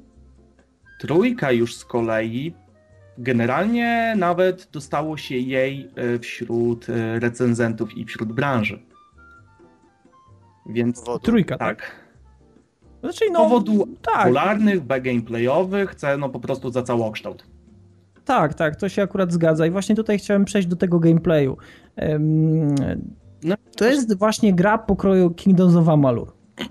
Czyli em, to jest w porządku tak długo, jak nie zaczniesz tego przyrównywać do innych gier w tym gatunku, może się okazać nagle, że gra, w którą grasz wcale nie jest najlepsza, a nawet może się okazać, że jest bardzo słaba. I tak jak w przypadku Kingdoms of Amalur, y, to jest gra, która jest bardzo specyficzna. Tak w przypadku um, Dungeon Siege 3, ona przytrzymuje cię swoim designem, bo naprawdę zwiedzasz piękne lokacje. Serio, naprawdę. Jest, jest tyle fajnych ujęć w tej grze. Jest tyle fajnych dungeonów, które się przemierza, że, że ciężko jest tak naprawdę się od tej gry oderwać. E, Z tym, że właśnie pojawia się ten problem, że e, sam gameplay jest e, troszkę nudny. E, Chociażby e, tak, zwróćmy uwagę na to, jak wygląda rozwój postaci. Rozwój postaci jest wyjątkowo ograniczony. E, Mamy tylko kilka skilli, które sobie levelujemy. Kilka, mówię tutaj może pięć, może sześć skilli maksymalnie. Każdy z tych skilli może dostawać nowe perki, tak jakby. Jeśli ktoś nie wie o co chodzi z perkami, to takie ulepszenia. I te perki oczywiście wybieramy sobie na drodze swojego awansowania o poziom wyżej, i poziom wyżej, i poziom wyżej. Natomiast to jest wszystko. Czyli te 6-5 skilli mniej więcej to jest e, cały arsenał, który posiadamy do swojej dyspozycji. E, Jeszcze nie wiesz, ale Nie- czy można Tak. wymaksować wszystko? Czy to jest raczej... Nie wiem, nie wiem cialny. Dobrze.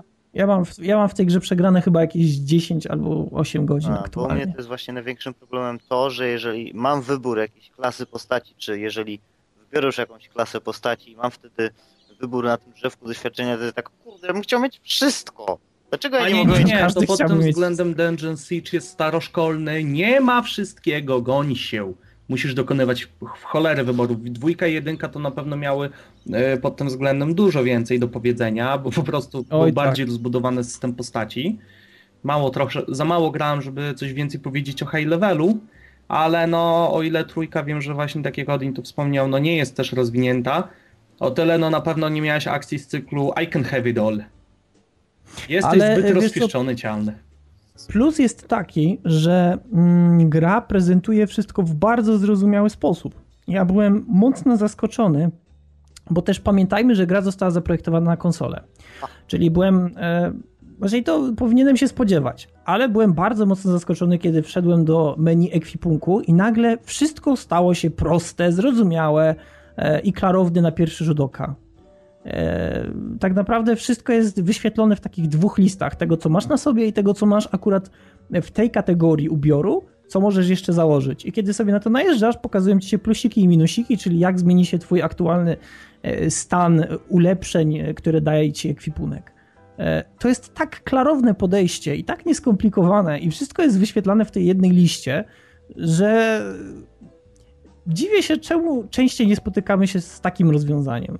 Wam może się to wydawać trochę śmieszne, ale uwierzcie mi, kiedy pierwszy raz wejdziecie w ten ekran ekwipunku, to to jest takie małe ła, bo to jest tak zrozumiałe i proste, że aż przerażające, że więcej gier tego nie robi.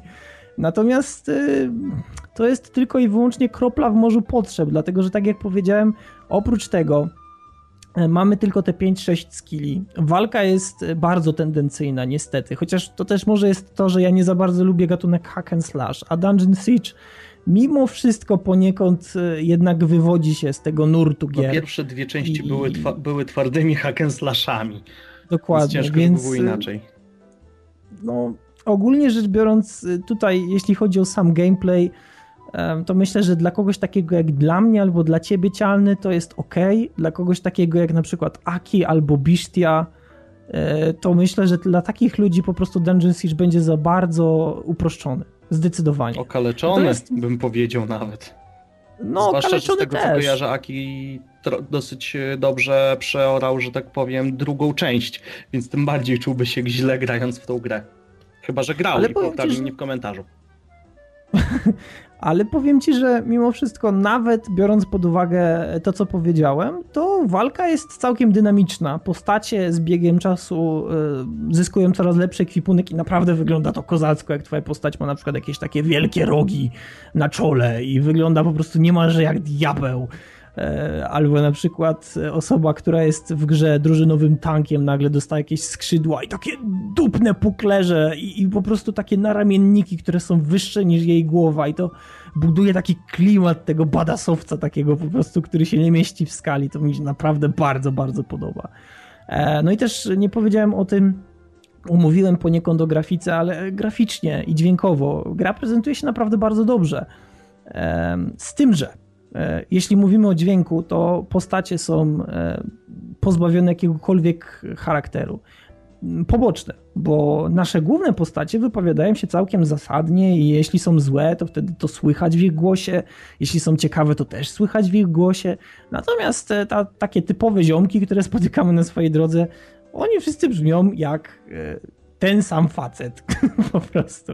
Tak więc y, nie wiem, może ja też mam zbyt duże wymagania, ale liczyłem, że jednak, e, że jednak będzie to lepsze. No też doświadczenie z Diablo, które ma genialny e, system voice actingu, e, gdzie aktorzy przykładają się naprawdę bardzo porządnie do swoich ról. Myślę, że, że tutaj mnie trochę skrzywiło pod tym względem i że mam może trochę zbyt duże wymagania. Pamiętajmy, Jeśli chodzi o samą że no. Odin ostatnio zainstalował parę dodatków do Skyrima, tak? Między innymi z voice actingiem. On może być już trochę zmanierowany. Chyba, że to był naprawdę tylko ten sam facet. E, Wiesz co, czasami mam takie wrażenie, że to był ten sam facet, tyle tylko, że po prostu mówiący tak, ten sam facet, tak, ten sam facet, tak, ten sam facet. Tak więc, nie wiem, może to tylko ja, może to tylko moje dziwne wrażenie. E, Natomiast sama grafika, e, postacie, to jak to wszystko wygląda, to w jaki ten świat, to w jaki sposób ten świat jest namalowany w cudzysłowie, jest naprawdę na dobrym poziomie. Bardzo, bardzo mi się podoba. Podobają mi się twarze postaci. E, Mamy Katerinę, czyli taką, nie wiem dlaczego, ale ona mi się kojarzy bardzo mocno z piratem, e, czyli e, postać kobiety, która chodzi z takim odsłoniętym brzuchem, ma czarne włosy, które są takie bardzo ładne, połyskujące, długie, zwisają je jej za ramionami i ogólnie rzecz biorąc jest bardzo smukła. Wygląda bardzo ładnie, naprawdę. I, I myślę, że ta gra bardzo dużo zyskuje właśnie na prezentacji. E, Są postaci, które mają wyjątkowy charakter e, już przez sam swój design. E, I też przez przyłożenie się do tego, w jaki sposób zostały zaprojektowane. I to nie tylko główne postacie, bo czasami trafiamy na skrybę, który nie dość, że nosi okulary takie steampunkowe, to przy okazji widać na jego twarzy zmarszczki, jego czoło jest pomarszczone, jego brwi bardzo mocno krzaczaste. To jest, to jest naprawdę bardzo dobrze zwizualizowana gra. Ona ma dobry pomysł na siebie i potrafi to przedstawić w takiej formie, że faktycznie możesz to kupić. E, tak więc ze swojej strony polecam, dlatego że można to przegapić. E, Była promocja na Steamie, gdzie Dungeon Siege 3 kosztował 3 dolary z hakiem. E, U nas w Polsce, dlatego że jesteśmy bogatym krajem, kosztował 3, 3 euro. Natomiast to nadal myślę, że jest całkiem dobra cena, jak za tego typu grę, jeśli na przykład chcecie zagrać ze znajomym i brakuje wam jakiegoś dungeon crawlera, crawlera to, to jest jak najbardziej zasadna propozycja. Oczywiście nie każdemu może to przypaść do gustu, ale myślę, że łatwo ją przeoczyć na tle wszystkich tych innych gier, które pojawiają się e, na rynku. No i oczywiście koop, tak? No to jest, to jest naprawdę duży plus, że mamy koop i możemy razem przemierzać ten tryb fabularny. E, Moim zdaniem naprawdę bardzo ciekawy tytuł. Kurczę, gdyby był koop tak zwany multiplatformowy, to jutro bym leciał, kupił sobie to na Xboxa, żebyśmy mogli sobie, sobie razem zagrać coś takiego. Bo Ale wiesz co, Cialny, to jest, y, tak jak mówiliśmy przed podem, multiplatformowy tytuł to jest Portal 2. no dobra. Eot. No. Nie? End of topic. Aha.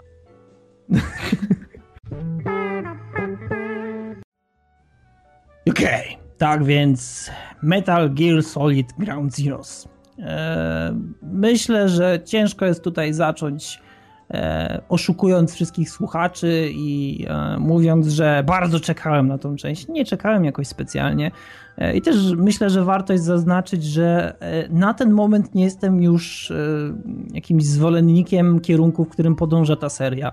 I myślę, że to jednak trzeba mieć na uwadze, żeby ta recenzja była odebrana w, myślę, konkretnie taki sposób, w jaki chciałem, żeby była odebrana. Nie ma to być hejt na tą serię, nie ma to być e, złorzeczenie ogólnie na sam pomysł Kojimy, który na pewno jakiś pomysł ma, natomiast e, myślę, że z wieloma rzeczami ja niestety pogodzić się nie mogę, ale o tym będę mówił myślę w trakcie już tego, jak tutaj się roz, rozkręcę troszeczkę, ale też nie zapomnę o tych rzeczach, e, które są pozytywne, no bo też e, nie można powiedzieć e, wielu złych rzeczy o Ground Zero, zapominając kompletnie o tych rzeczach, które są akurat w tej grze e, wielkim plusem. Tak więc może zacznijmy od tego, że pierwsze co e, grałem na wersji Xboxowej i e, szczerze powiedziawszy nie wiedziałem, że gry na Xboxie mogą tak wyglądać, e, bo Ground Zeroes wygląda naprawdę bardzo ładnie. E, I ta, tak? Dziękuję.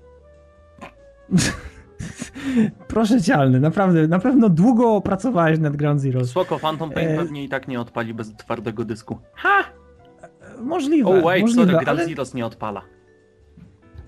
E, tak? Tak, to No to taka widzisz, ciekawostka na wstępie. Grand Zeroes nie odpalisz na Xboxie, jeżeli nie masz normalnego twardego dysku. Gra musi mieć gdzieś się zainstalować z syndromem GSA 4. No wiesz, ale to jest e, szczerze powiedziawszy dość częste w grach na Xboxie. Może nie do końca, że musisz mieć koniecznie dysk twardy, natomiast lepiej by było, żebyś miał Ale dysk słuchajcie, twardy. Już- nie, tutaj już musisz jesteśmy- mieć dysk twardy.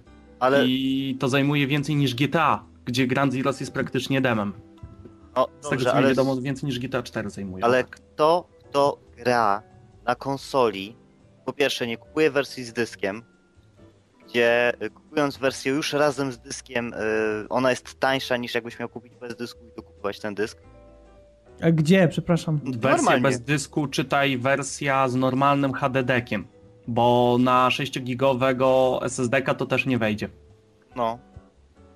no chodzi o to, że mogłeś kupić Xboxa, na, nawet tą wersję Slim, w wersji y, Mhm. bez dysku twardego, tak? On był wtedy, jak się nie mylę, matowy. I on wyszedł trochę później. Na samym początku wychodziły Slimki z standardowo z dyskiem 250 giga. Tak. I one były Mm. takie jak, jak pianino, strasznie się rysują. I E, ale, ale były tańsze, tak? właśnie widzisz, chodzi o to, że jeżeli y, kupowałeś tą wersję bez dysku i osobno dokupywałeś dysk, to de facto wychodziło cię to drożej. Niż jakbyś kupił od razu wersję z dyskiem. No ale de facto kupowałeś wersję bez dysku i wychodziło taniej i podejrzewam, że są tacy ludzie na świecie, którzy Nie zapisują E, nie mają tylu pieniędzy. Znaczy, no, no wiesz, no nie każdy. Ja tutaj. Oczywiście to jest. Dobra, to jest e, dyskusja, która kompletnie jest bezzasadna. E, Są pewnie jacyś ludzie na ziemi, którzy, którzy posiadają Xboxy bez dysków No twardych. tak, mój kumpel kupił Są, Xboxa tylko po to, żeby móc grać w Street Fightera przez internet. Tylko, no, nic więc, więcej. No to No, tak, więc okej, ale jeżeli masz zamiar grać w gry inne, więcej, wiesz, że będziesz ściągał jakieś gry z arcade'a na przykład, no to panie, no, no musisz mieć dysk, nie ma opcji. Ale tani konsola No, no. była w Polsce, żyjemy. No dobra, E, nieważne. Tak czy inaczej, dysk twardy, tak jak zauważa Grabczas, jest potrzebny. Okej, y, nie jest to ani wada, ani zaleta, po prostu jest potrzebny. Gry się rozwijają, e, no gdzieś pomieścić te tekstury muszą. Okej, lecimy dalej. E, więc graficznie naprawdę e, wygląda bardzo dobrze i ten Fox Engine myślę, że wyciąga z Xboxa 360 to, co tylko da się z tego Xboxa 360 wyciągnąć. I tak jak pewne tekstury może nie są wysokiej rozdzielczości, tak gra to rewelacyjnie ukrywa. I e, na tym telewizorze, na którym grałem, to szczerze powiedziawszy, nie miałem ani takiego jednego momentu, żebym zauważył, że coś jest nie tak. Więc e, zdecydowanie tutaj na plus, szczególnie Szczególnie jeśli chodzi o samą prezentację w nocy, kiedy gra tak naprawdę się rozpoczyna, kiedy Big Boss się wspina po, tym, po tej półce skalnej, tam wchodzi potem na samą górę i tak dalej, e, to wygląda naprawdę bardzo dobrze. Serio. I e, wątpię, żeby była jakaś gra na X, która w tym momencie e, wygląda lepiej. Wydaje mi się, że Ground Zeroes jest jedną z niewielu gier, które prezentują najwyższy możliwy do osiągnięcia poziom na, na konsolach tej generacji. Czyli sorry, że tak wejdę, czyli jest szansa, że to MGS zamknie kolejną generację konsol jako jedna z najpiękniejszych gier danej generacji. Bardzo możliwe. Podobnie jak tak. miało to miejsce w przypadku MGS-a 3 na PS2. Mhm. Dokładnie. Z tym, że tutaj akurat nie miałem takiej sytuacji, że strzelając w trawę e, gra zaczęła klatkować, tak jak w przypadku MGS 3. O, tego A... nawet nie wiedziałem. A, no, Smutne. Smutłem. Próbuję, Czyli znaczy, próbuję, Boże. E, polecam sprawdzić, bo ja szczerze powiedziawszy miałem ubaw, jak kiedyś Nie jeszcze z kulem siedzieliśmy i strzelaliśmy w trawy i gra potrafiła schodzić do jednej, dwóch klatek na sekundę. No, nieważne. Tak czy inaczej, e, dalej. Dźwiękowo. Wielki problem, czyli Keith Sutherland. Ja wiem, że Ground Zeroes ma być wstępem, natomiast e, Keith mówi w tej grze kilka razy. Max. Jego tam prawie w ogóle nie ma. I e, nie wiem, czy ktoś po prostu kiedyś, jak on był na kawie, podał mu kartkę i powiedział: Słuchaj, przeczytaj to. I on tylko przeczytał tą jedną kartkę A4 i to było tyle. E, czy po prostu. Nie wiem, czy to, czy to był jakiś zamysł Kojimy, natomiast Metal Gear Solid przyzwyczaił mnie do takich jednak konwersacji i dość rozbudowanych monologów E, które lubiłem. Ja wiem, że są ludzie, którzy powiedzą, no tak, ale przecież e, to była jedna z głupszych i gorszych rzeczy w MGS-ach, oglądanie filmów, które miały po, po godzinę, po pół godziny i, i tak naprawdę cutscenki, które nigdy się nie kończyły. Okej, okay, ale mi chodzi tutaj bardziej o rozmowy w kodeku, które były naprawdę świetne. Ja pamiętam pierwszą rozmowę w Metal Gear Solid, tej grze z 97 roku z Meryl, gdzie ja potrafiłem się przywiązać do tej postaci, mimo że jej jeszcze nie widziałem. Ja przepraszam. Znaczy... Ja przepraszam, że się wtrącę. Ale jak to grać w MGS-a nie dla cutscenek? To po, to się, po co się gra w MGS-a? E, popieram. Po, e, halo, Dosłownie, halo. to dla mnie jest takie dziwne. Popieram, mimo że żadnej PSki nie miałem, oglądałem let's playe, jak się nie mylę, Akiego, które są tutaj na DS-ie. Mhm. I, I ja to oglądałem jak film. Po prostu siadałem sobie na spokojnie i jeden, kolejnymi odcinkami latałem. To, to było przepiękne. No bo ta gra buduje naprawdę rewelacyjnie, znaczy nie mówię tutaj o Grand Zero, ogólnie MGS 1 e, na PlayStation e, buduje rewelacyjnie klimat oraz całą historię za pomocą tych wstawek. E, klimat jest, tak jak już kiedyś pisałem zresztą na DS-ie, klimat jest ciężki, klimat jest bardzo dojrzały, E, co też, tak jak e, również pisałem, trochę psuje radość e, z gry, bo ciężko jest się pierwszym Metal Gearem cieszyć, bo on jednak powoduje, że człowiek ma do niego takie poważne podejście.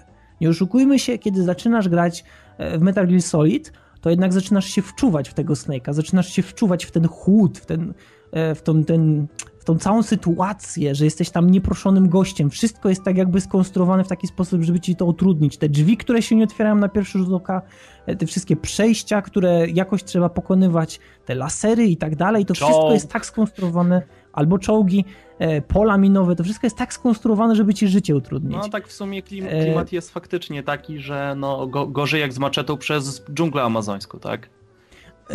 A właśnie w przypadku Ground Zeroes E, tych rozmów nie ma. Ja, ja wiem, że to ma być prolog, tak, ale mimo wszystko to jest raczej kiepskie wytłumaczenie, bo e, już cutscenki w Metal Gear 4, Metal Gear Solid 4 były mm, one były dziwne, tak? Na przykład jak e, Ocelot zaczyna bang, bang, bang, to jest nie będę tutaj może się już wdawał w historię Metal Geara i, i, co to miało dokładnie robić, niemniej ta kontrola informacji, tak, i jeden pojedynczy człowiek, który za pomocą wskazywania na ludzi palcami jest w stanie wywołać ten, taką, ten taki szok tych nanomaszyn, które już teraz wszyscy w tamtych latach żołnierze posiadają w sobie e, i spowodować, że oni zaczynają szaleć. I wszystkie elementy elektroniczne kontrolowane przez ten cały jeden wielki system zaczynają również poddawać się jego woli. To jest megalomania taka bardzo, bardzo wysoka. E, I e, czasami niektóre były z tych scenek trochę komiczne, trochę mocno przesadzone, e, kiedy w porównaniu z MGS-em pierwszym większość z nich jednak posiadała tą swoją duszę.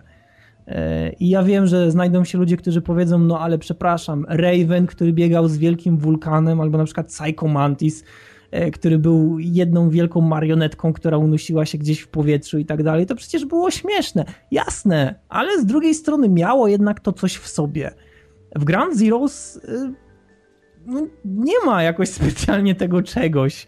Ja nie wiem, ja tam szczerze powiedziawszy tego nie widzę. Co, co chyba gorsze, przy pierwszym podejściu e, gość, z którym grałem, tutaj nawet niekoniecznie pamiętam jego imię, dlatego że było nas wielu, E, w okolicy, gość, z którym grałem, powiedział mi, wiesz, fajne jest to, że mamy tutaj sterowanie takie jak w Call of Duty co do strzelania. Ja pomyślałem sobie, kurwa mać, to chyba niedobrze. To chyba jednak niedobrze.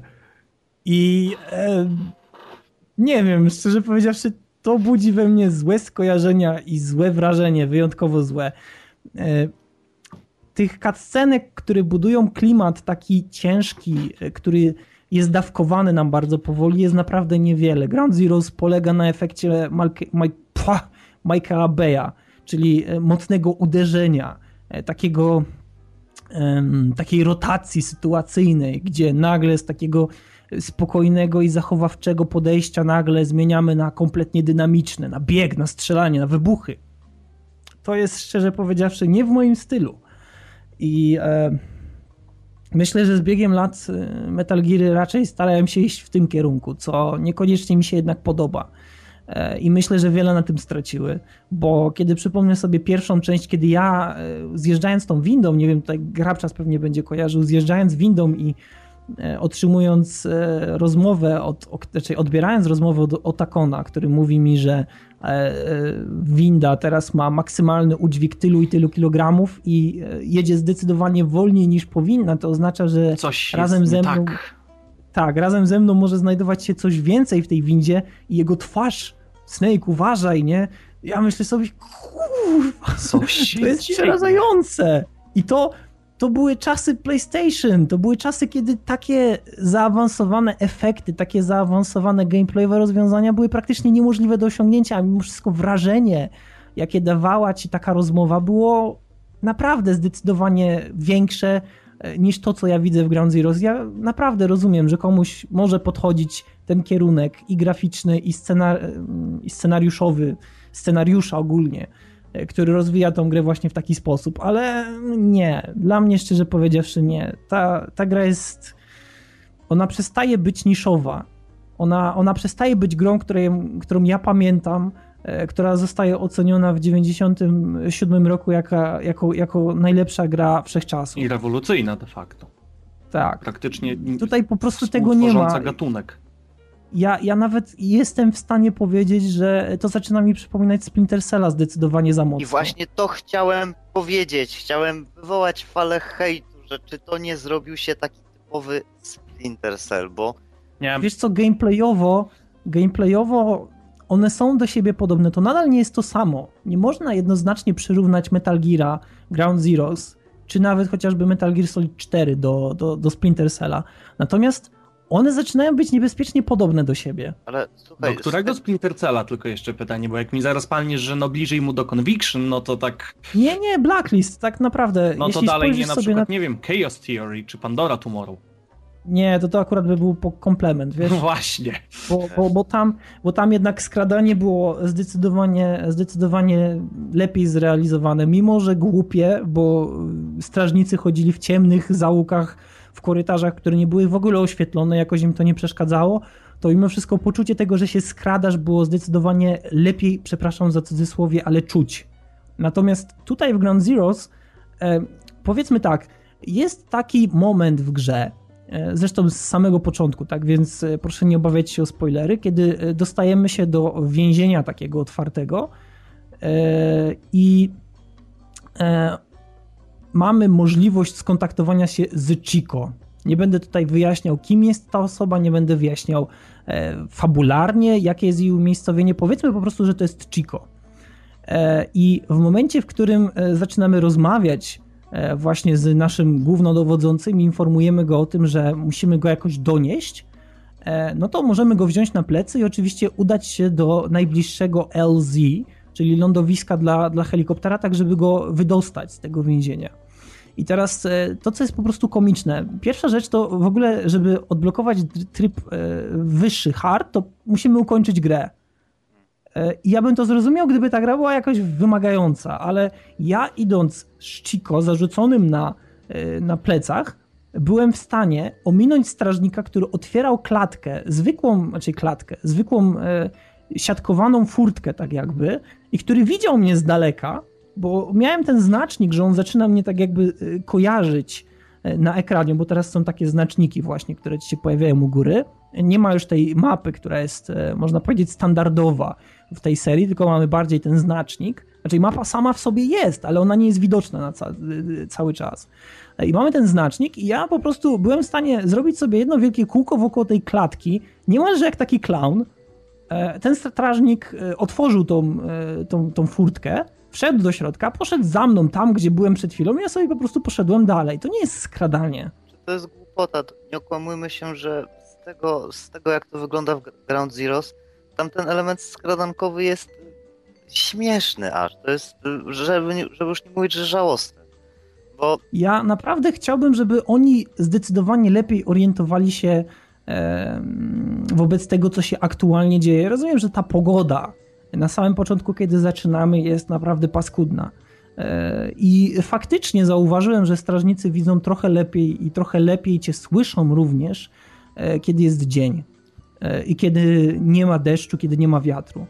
Natomiast to nadal jest trochę tragiczne. Serio, bo ta baza cała, po której się poruszasz, możesz sobie po prostu kutnąć, zasuwać, może nawet biec mhm. pełnym sprintem i e, tak naprawdę omijać tak wiele tych e, problematycznych sytuacji, gdzie poprzednie Metal Geary były tak skonstruowane, żeby cię wystawić na próbę. Zresztą Splinter Cell też. Design leveli był stworzony właśnie po to, żebyś miał ciężko, żebyś mógł się zmierzyć z samym sobą, sprawdzić swoje własne umiejętności. Tutaj tego nie ma. Tutaj możesz po prostu znaleźć sobie po prostu inną stronę, e, z której możesz podejść. I faktycznie w świecie open world to jest fajne Natomiast y, trochę psuje to skradanie, bo ono się robi po prostu proste. Wiesz co, co chodzi o opis AI, tak jak ciebie słucham, to dostaliśmy po prostu kolejnego Metal Geara w gruncie rzeczy. Bo mimo wszystko z tego co słyszę, to te AI po prostu funkcjonuje na bardzo podobnych zasadach, jak dotąd funkcjonowało. No bo sorry, akurat Metal Gear no super inteligentnych strażników nigdy nie miał do końca. E, do, dobrze, mm. dobrze, ale słuchaj, jest jeszcze e, taki dodatkowy motyw, że jeżeli jakiś z e, strażników cię zauważy, masz parę sekund na to, żeby jakby, nie wiem, uciec z sytuacji. Zwalnia się czas po prostu. No, masz zwolnienie tak? czasu, możesz mu strzelić w bańkę, żeby go uśpić. Tak, ale niekoniecznie, żeby go uśpić. w bańkę, strzelić w radio, znając życie. Od, drugi, od trzeciej części przecież po radiu strzelać można. A nawet powiem ci szczerze, że nie sprawdziłem, czy, czy mogę. No to wydaje Dlatego, mi się, że, że powinno być, zwłaszcza, że jednak przy tym settingu nie zwalą znowu, że Nano Machine stąd mam automatyczny alarm, tak jak to było w jedynce, a skoro w trójce to było, w Peace Walker z tego co kojarzę chyba dalej to było, więc strzelam, że w Grand Zeroes też będziesz mógł odstrzelić komuś radio. Wiesz co, z tego co zapamiętałem, tylko tutaj proszę e, być e, w miarę delikatnym, bo może to był efekt tego, że po prostu nie miałem okazji e, przyjrzeć się zbyt dobrze. Natomiast z tego co zauważyłem, jeśli strażnik cię zobaczy i jeśli nie wykorzystasz tego zwolnienia czasu, to alarm jest w całej bazie. Czyli to nie jest tak, że on musi to zgłosić. Chyba. Jest, nie jestem pewien, dlatego że gameplayowo tak to zapamiętałem. Wiesz co, ale, trzeba było ale... po prostu znaleźć miejsce, w którym można porobić eksperymenty, wiesz jak to się kończy wtedy.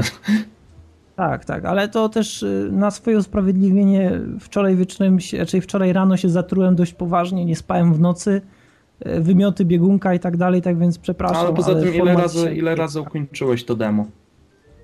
3. No właśnie, więc sorry, wie, no, to jednak MGS, tak? Po, pomysły chore, które działały wcześniej, które chciałoby się przetestować, nie zrobisz w trzech podejściach. Yy, ale powiem ci szczerze, że naprawdę. Ejku. Nie wiadomo, czy się chce dalej, prawda? Znaczy chce się dalej, bo w grze akurat to jest ten plus, że y, możesz sobie naprawdę fajne wyzwania robić w tej grze i możesz sobie sam mówić na przykład, ok, to tych 30 iluś kolesi, którzy są w tej bazie, e, to wszystkich ich e, pousypiam albo pozabijam i zobaczę, co będzie dalej. I, i nawet mi się udało coś takiego zrobić. E, Czy dalej I, jest kretyński system dosyłania nieskończonej liczby strażników, czy nie?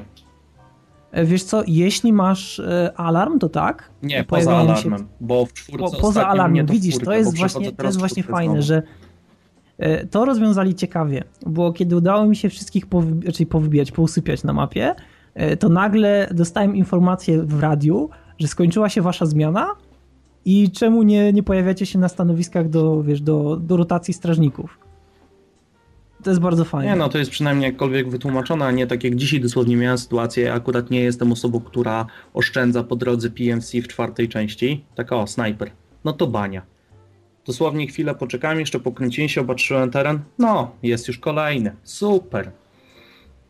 No, e, no czasami się tak zdarza, tutaj akurat jest to rozwiązane lepiej, ale to też jest, e, można powiedzieć, no już e, niemalże bezpośrednio związane z tym, że mamy jednak ten next gen, tak? Ta gra głównie ukazuje się na next genowe konsole e, i jednak musi już wypełniać jakieś luki, to już jest wymagane, więc takie automatyczne respienie się strażników w różnych miejscach byłoby po prostu głupie. A a propos w ogóle samych strażników, Jezu, jacy to są idioci.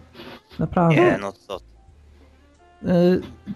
to są, to s- e, już e, przypomnę wam, jak wyglądało to w Metal Gear Solid 2, kiedy miałeś tą grupę czyszczącą, która wbijała do pomieszczeń i po prostu sprawdzała wszelkie możliwe zakamarki. Jezus Maria, jak ja, ile razy ja miałem takie uczucie, że za chwilę mnie znajdą. O cholera, o cholera, jak ja wybiegnę, gdzie ja pobiegnę, co zrobię, co zrobię, nie? I, i siedzę w tej szafce metalowej i po prostu nie wiem, zaraz spojrzą w tą szafkę, zaraz mnie zobaczą. I zawrócili kurwa. się napięcie. Ale czasami też mnie znajdywali i to było, e, to było fajne, bo miałeś ten efekt takiego napięcia, nie? że Jezus Maria, mam do czynienia z całą grupą wyszkolonych e, ludzi, wyszkolonych żołnierzy, którzy wiedzą, co mają robić. E, Tutaj natomiast, jak cię ktoś zobaczy, to możesz zacząć na pełnej kurwie, zacząć sprintować przed siebie, schować się gdzieś i tyle. I to, to dzięki temu, że mamy do czynienia z open worldem, to e, uniknięcie alarmu jest całkowicie możliwe. Naprawdę. I już nie powiem nawet, że można robić kompletną e, rzeźnię, dlatego że na jednym z lotnisków, e, Boże, na jednym z lotnisk, przepraszam, zamułka, na jednym z lotnisk mamy działo antylotnicze i możemy sobie na to działo przysiąść, możemy napieprzać do tych biednych strażników i to jest Ale ty jak, jakim cudem działo przeciwlotnicze, którym możesz tak, pod tak niskim kątem napieprzać? Możesz. Możesz. Tak? Ma, masz, też, masz też pojazd opancerzony, którym możesz sobie jeździć. Masz też.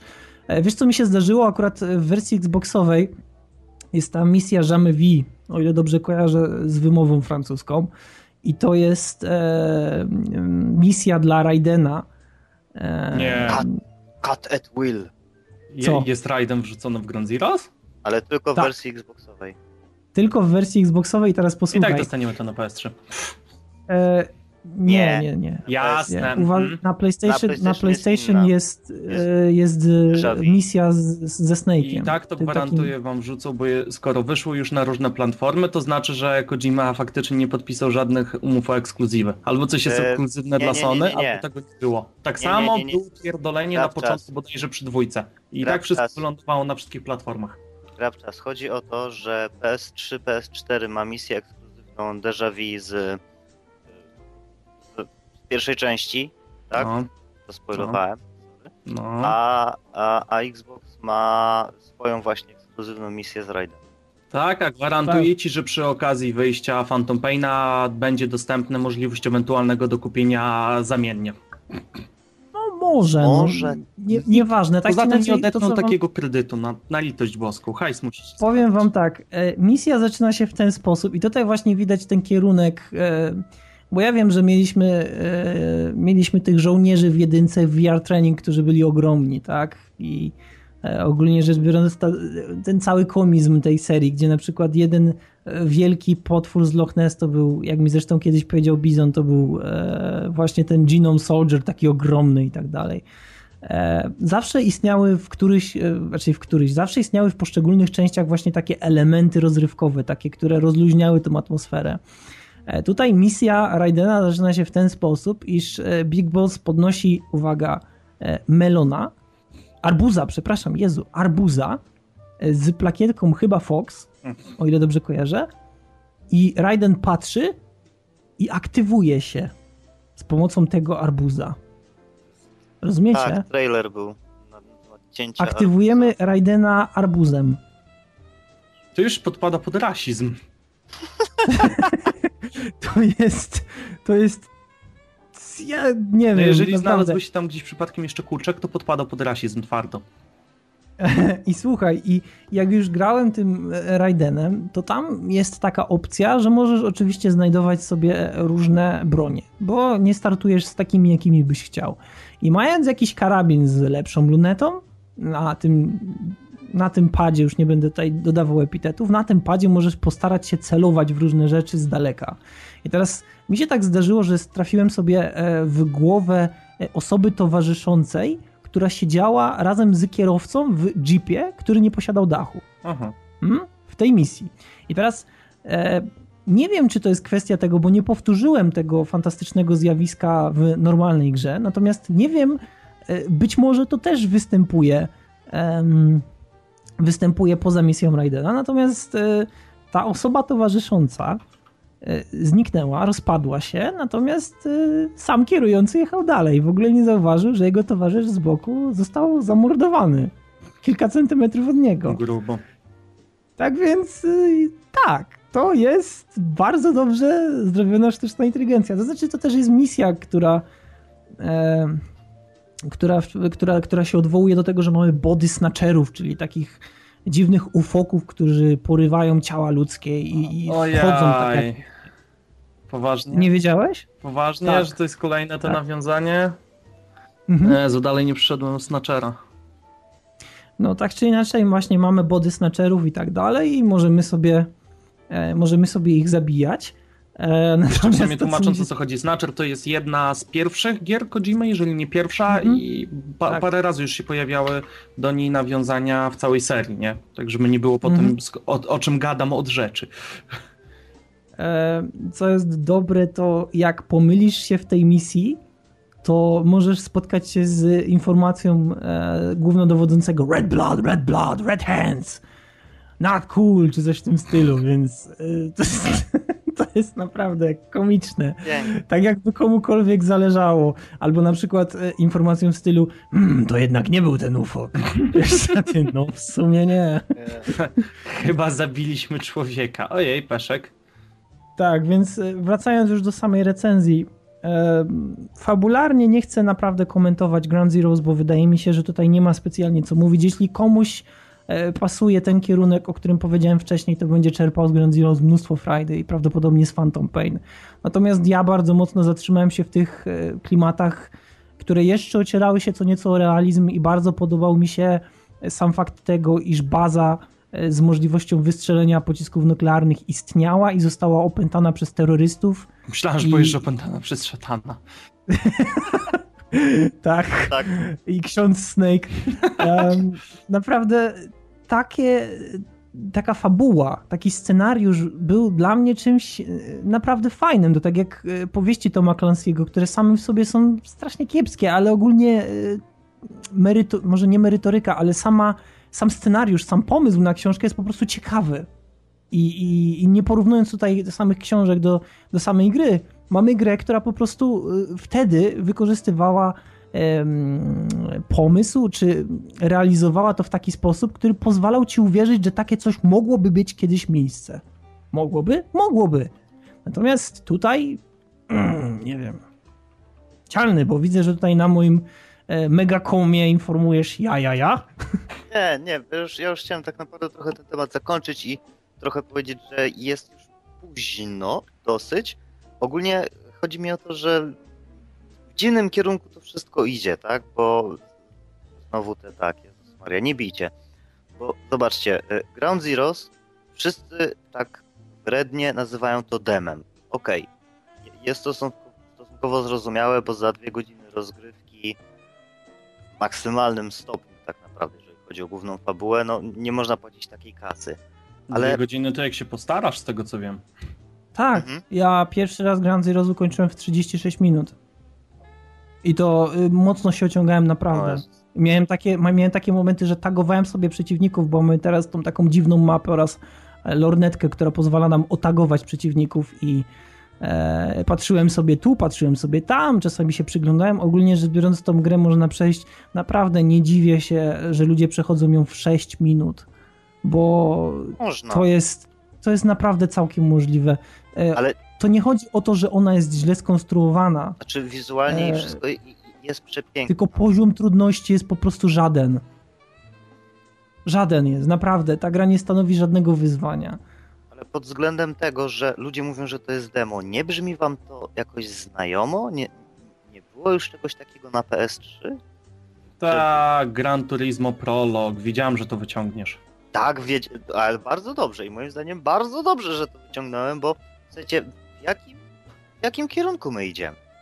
Będziemy wypuszczać demo za cenę pełnoprawnego tytułu?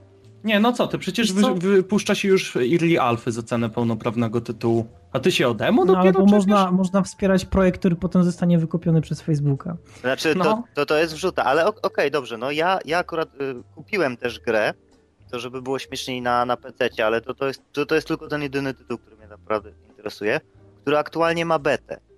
Tak? Ale wiesz, ale ja wiem, że ja na koniec dostanę pełnoprawny produkt.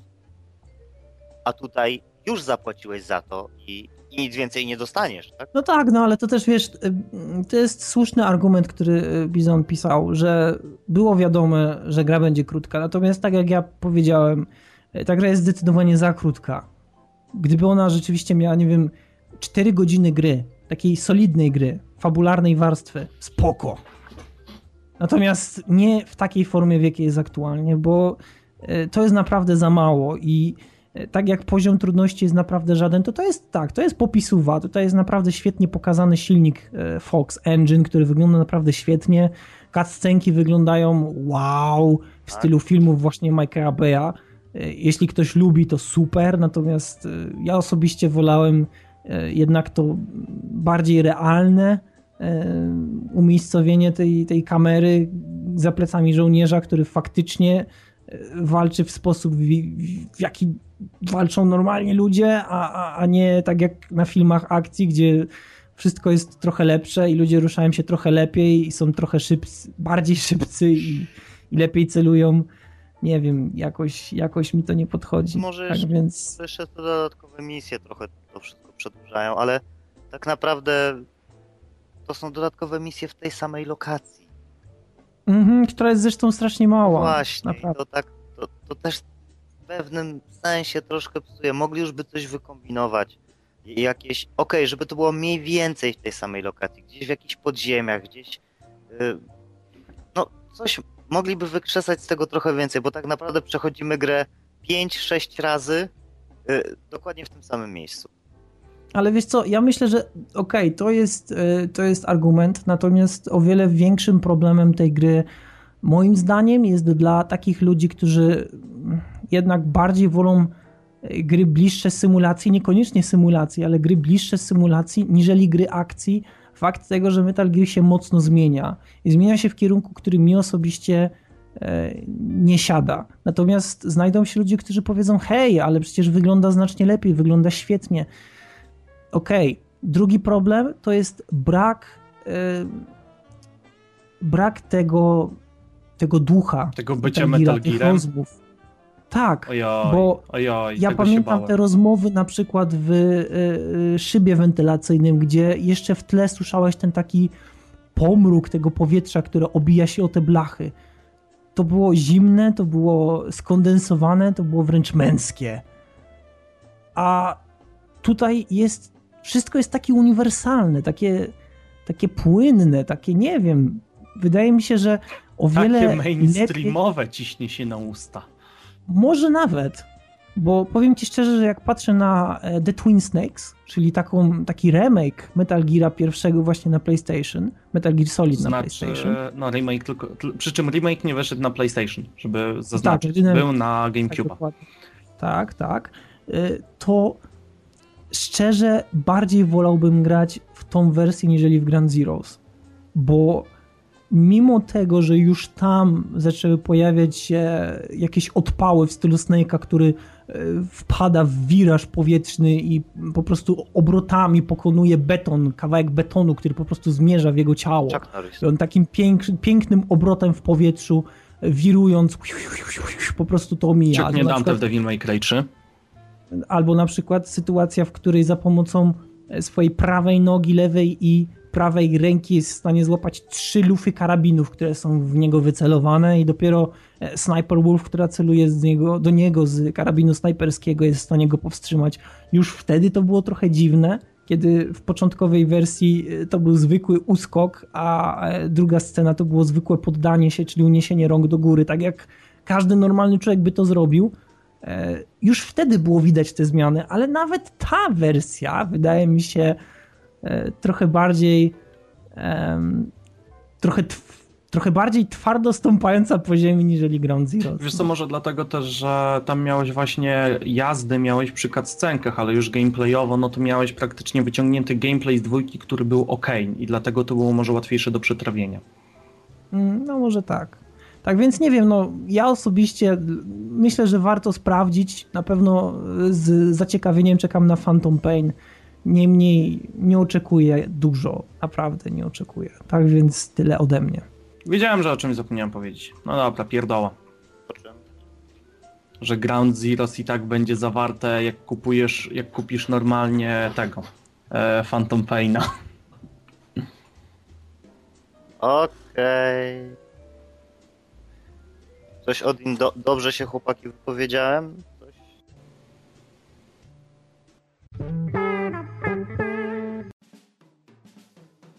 I tym oto sposobem kończymy 172 odcinek DualShock Podcast. Teraz wiem, że Cialny miał tutaj coś do dodania, tak więc bardzo proszę Cialny. Ja bym chciał się właśnie zapytać was, słuchacze, jak to teraz pięknie zabrzmi, czy będziecie chcieli mieć więcej pysza w podzie? Ja myślę, że nie warto pytać, tak, że po prostu będzie pyszu w Będzie jak będzie chciał. w podzie, będzie chciał, tak? Tylko, że wiecie, no my też musimy się was zapytać, tak? Nieważne Aha. jaką decyzję podejmiemy, musimy się was zapytać. Czyli to jest tak jak w dyktaturze yy, w Rosji, że w Rosji niby jest de- demokracja, tak? Słuchaj, to wiesz, ja, ja będę się tak samo tłumaczył jak y, Putin na temat y, botoksu, nie? Ja nie używam botoksu, to jest krym na dzień i krym na noc. Dobra, tak czy inaczej. Dziękujemy Wam wszystkim e, za e, odsłuchanie 172 odcinku DualShock Podcast. Jeszcze raz pożegnamy się tutaj wszyscy, tak? Czyli żegnają się z Wami Odin. Cialny. Sorry, cia- nie zaczytałem się w tym, za, zaoglądałem się w tym, co wysłał Cialder. Krawczas. I pyszu, dzięki. Okej, no więc zapraszamy na kolejny odcinek. Na razie trzymajcie się, cześć. Do usłyszenia, hej.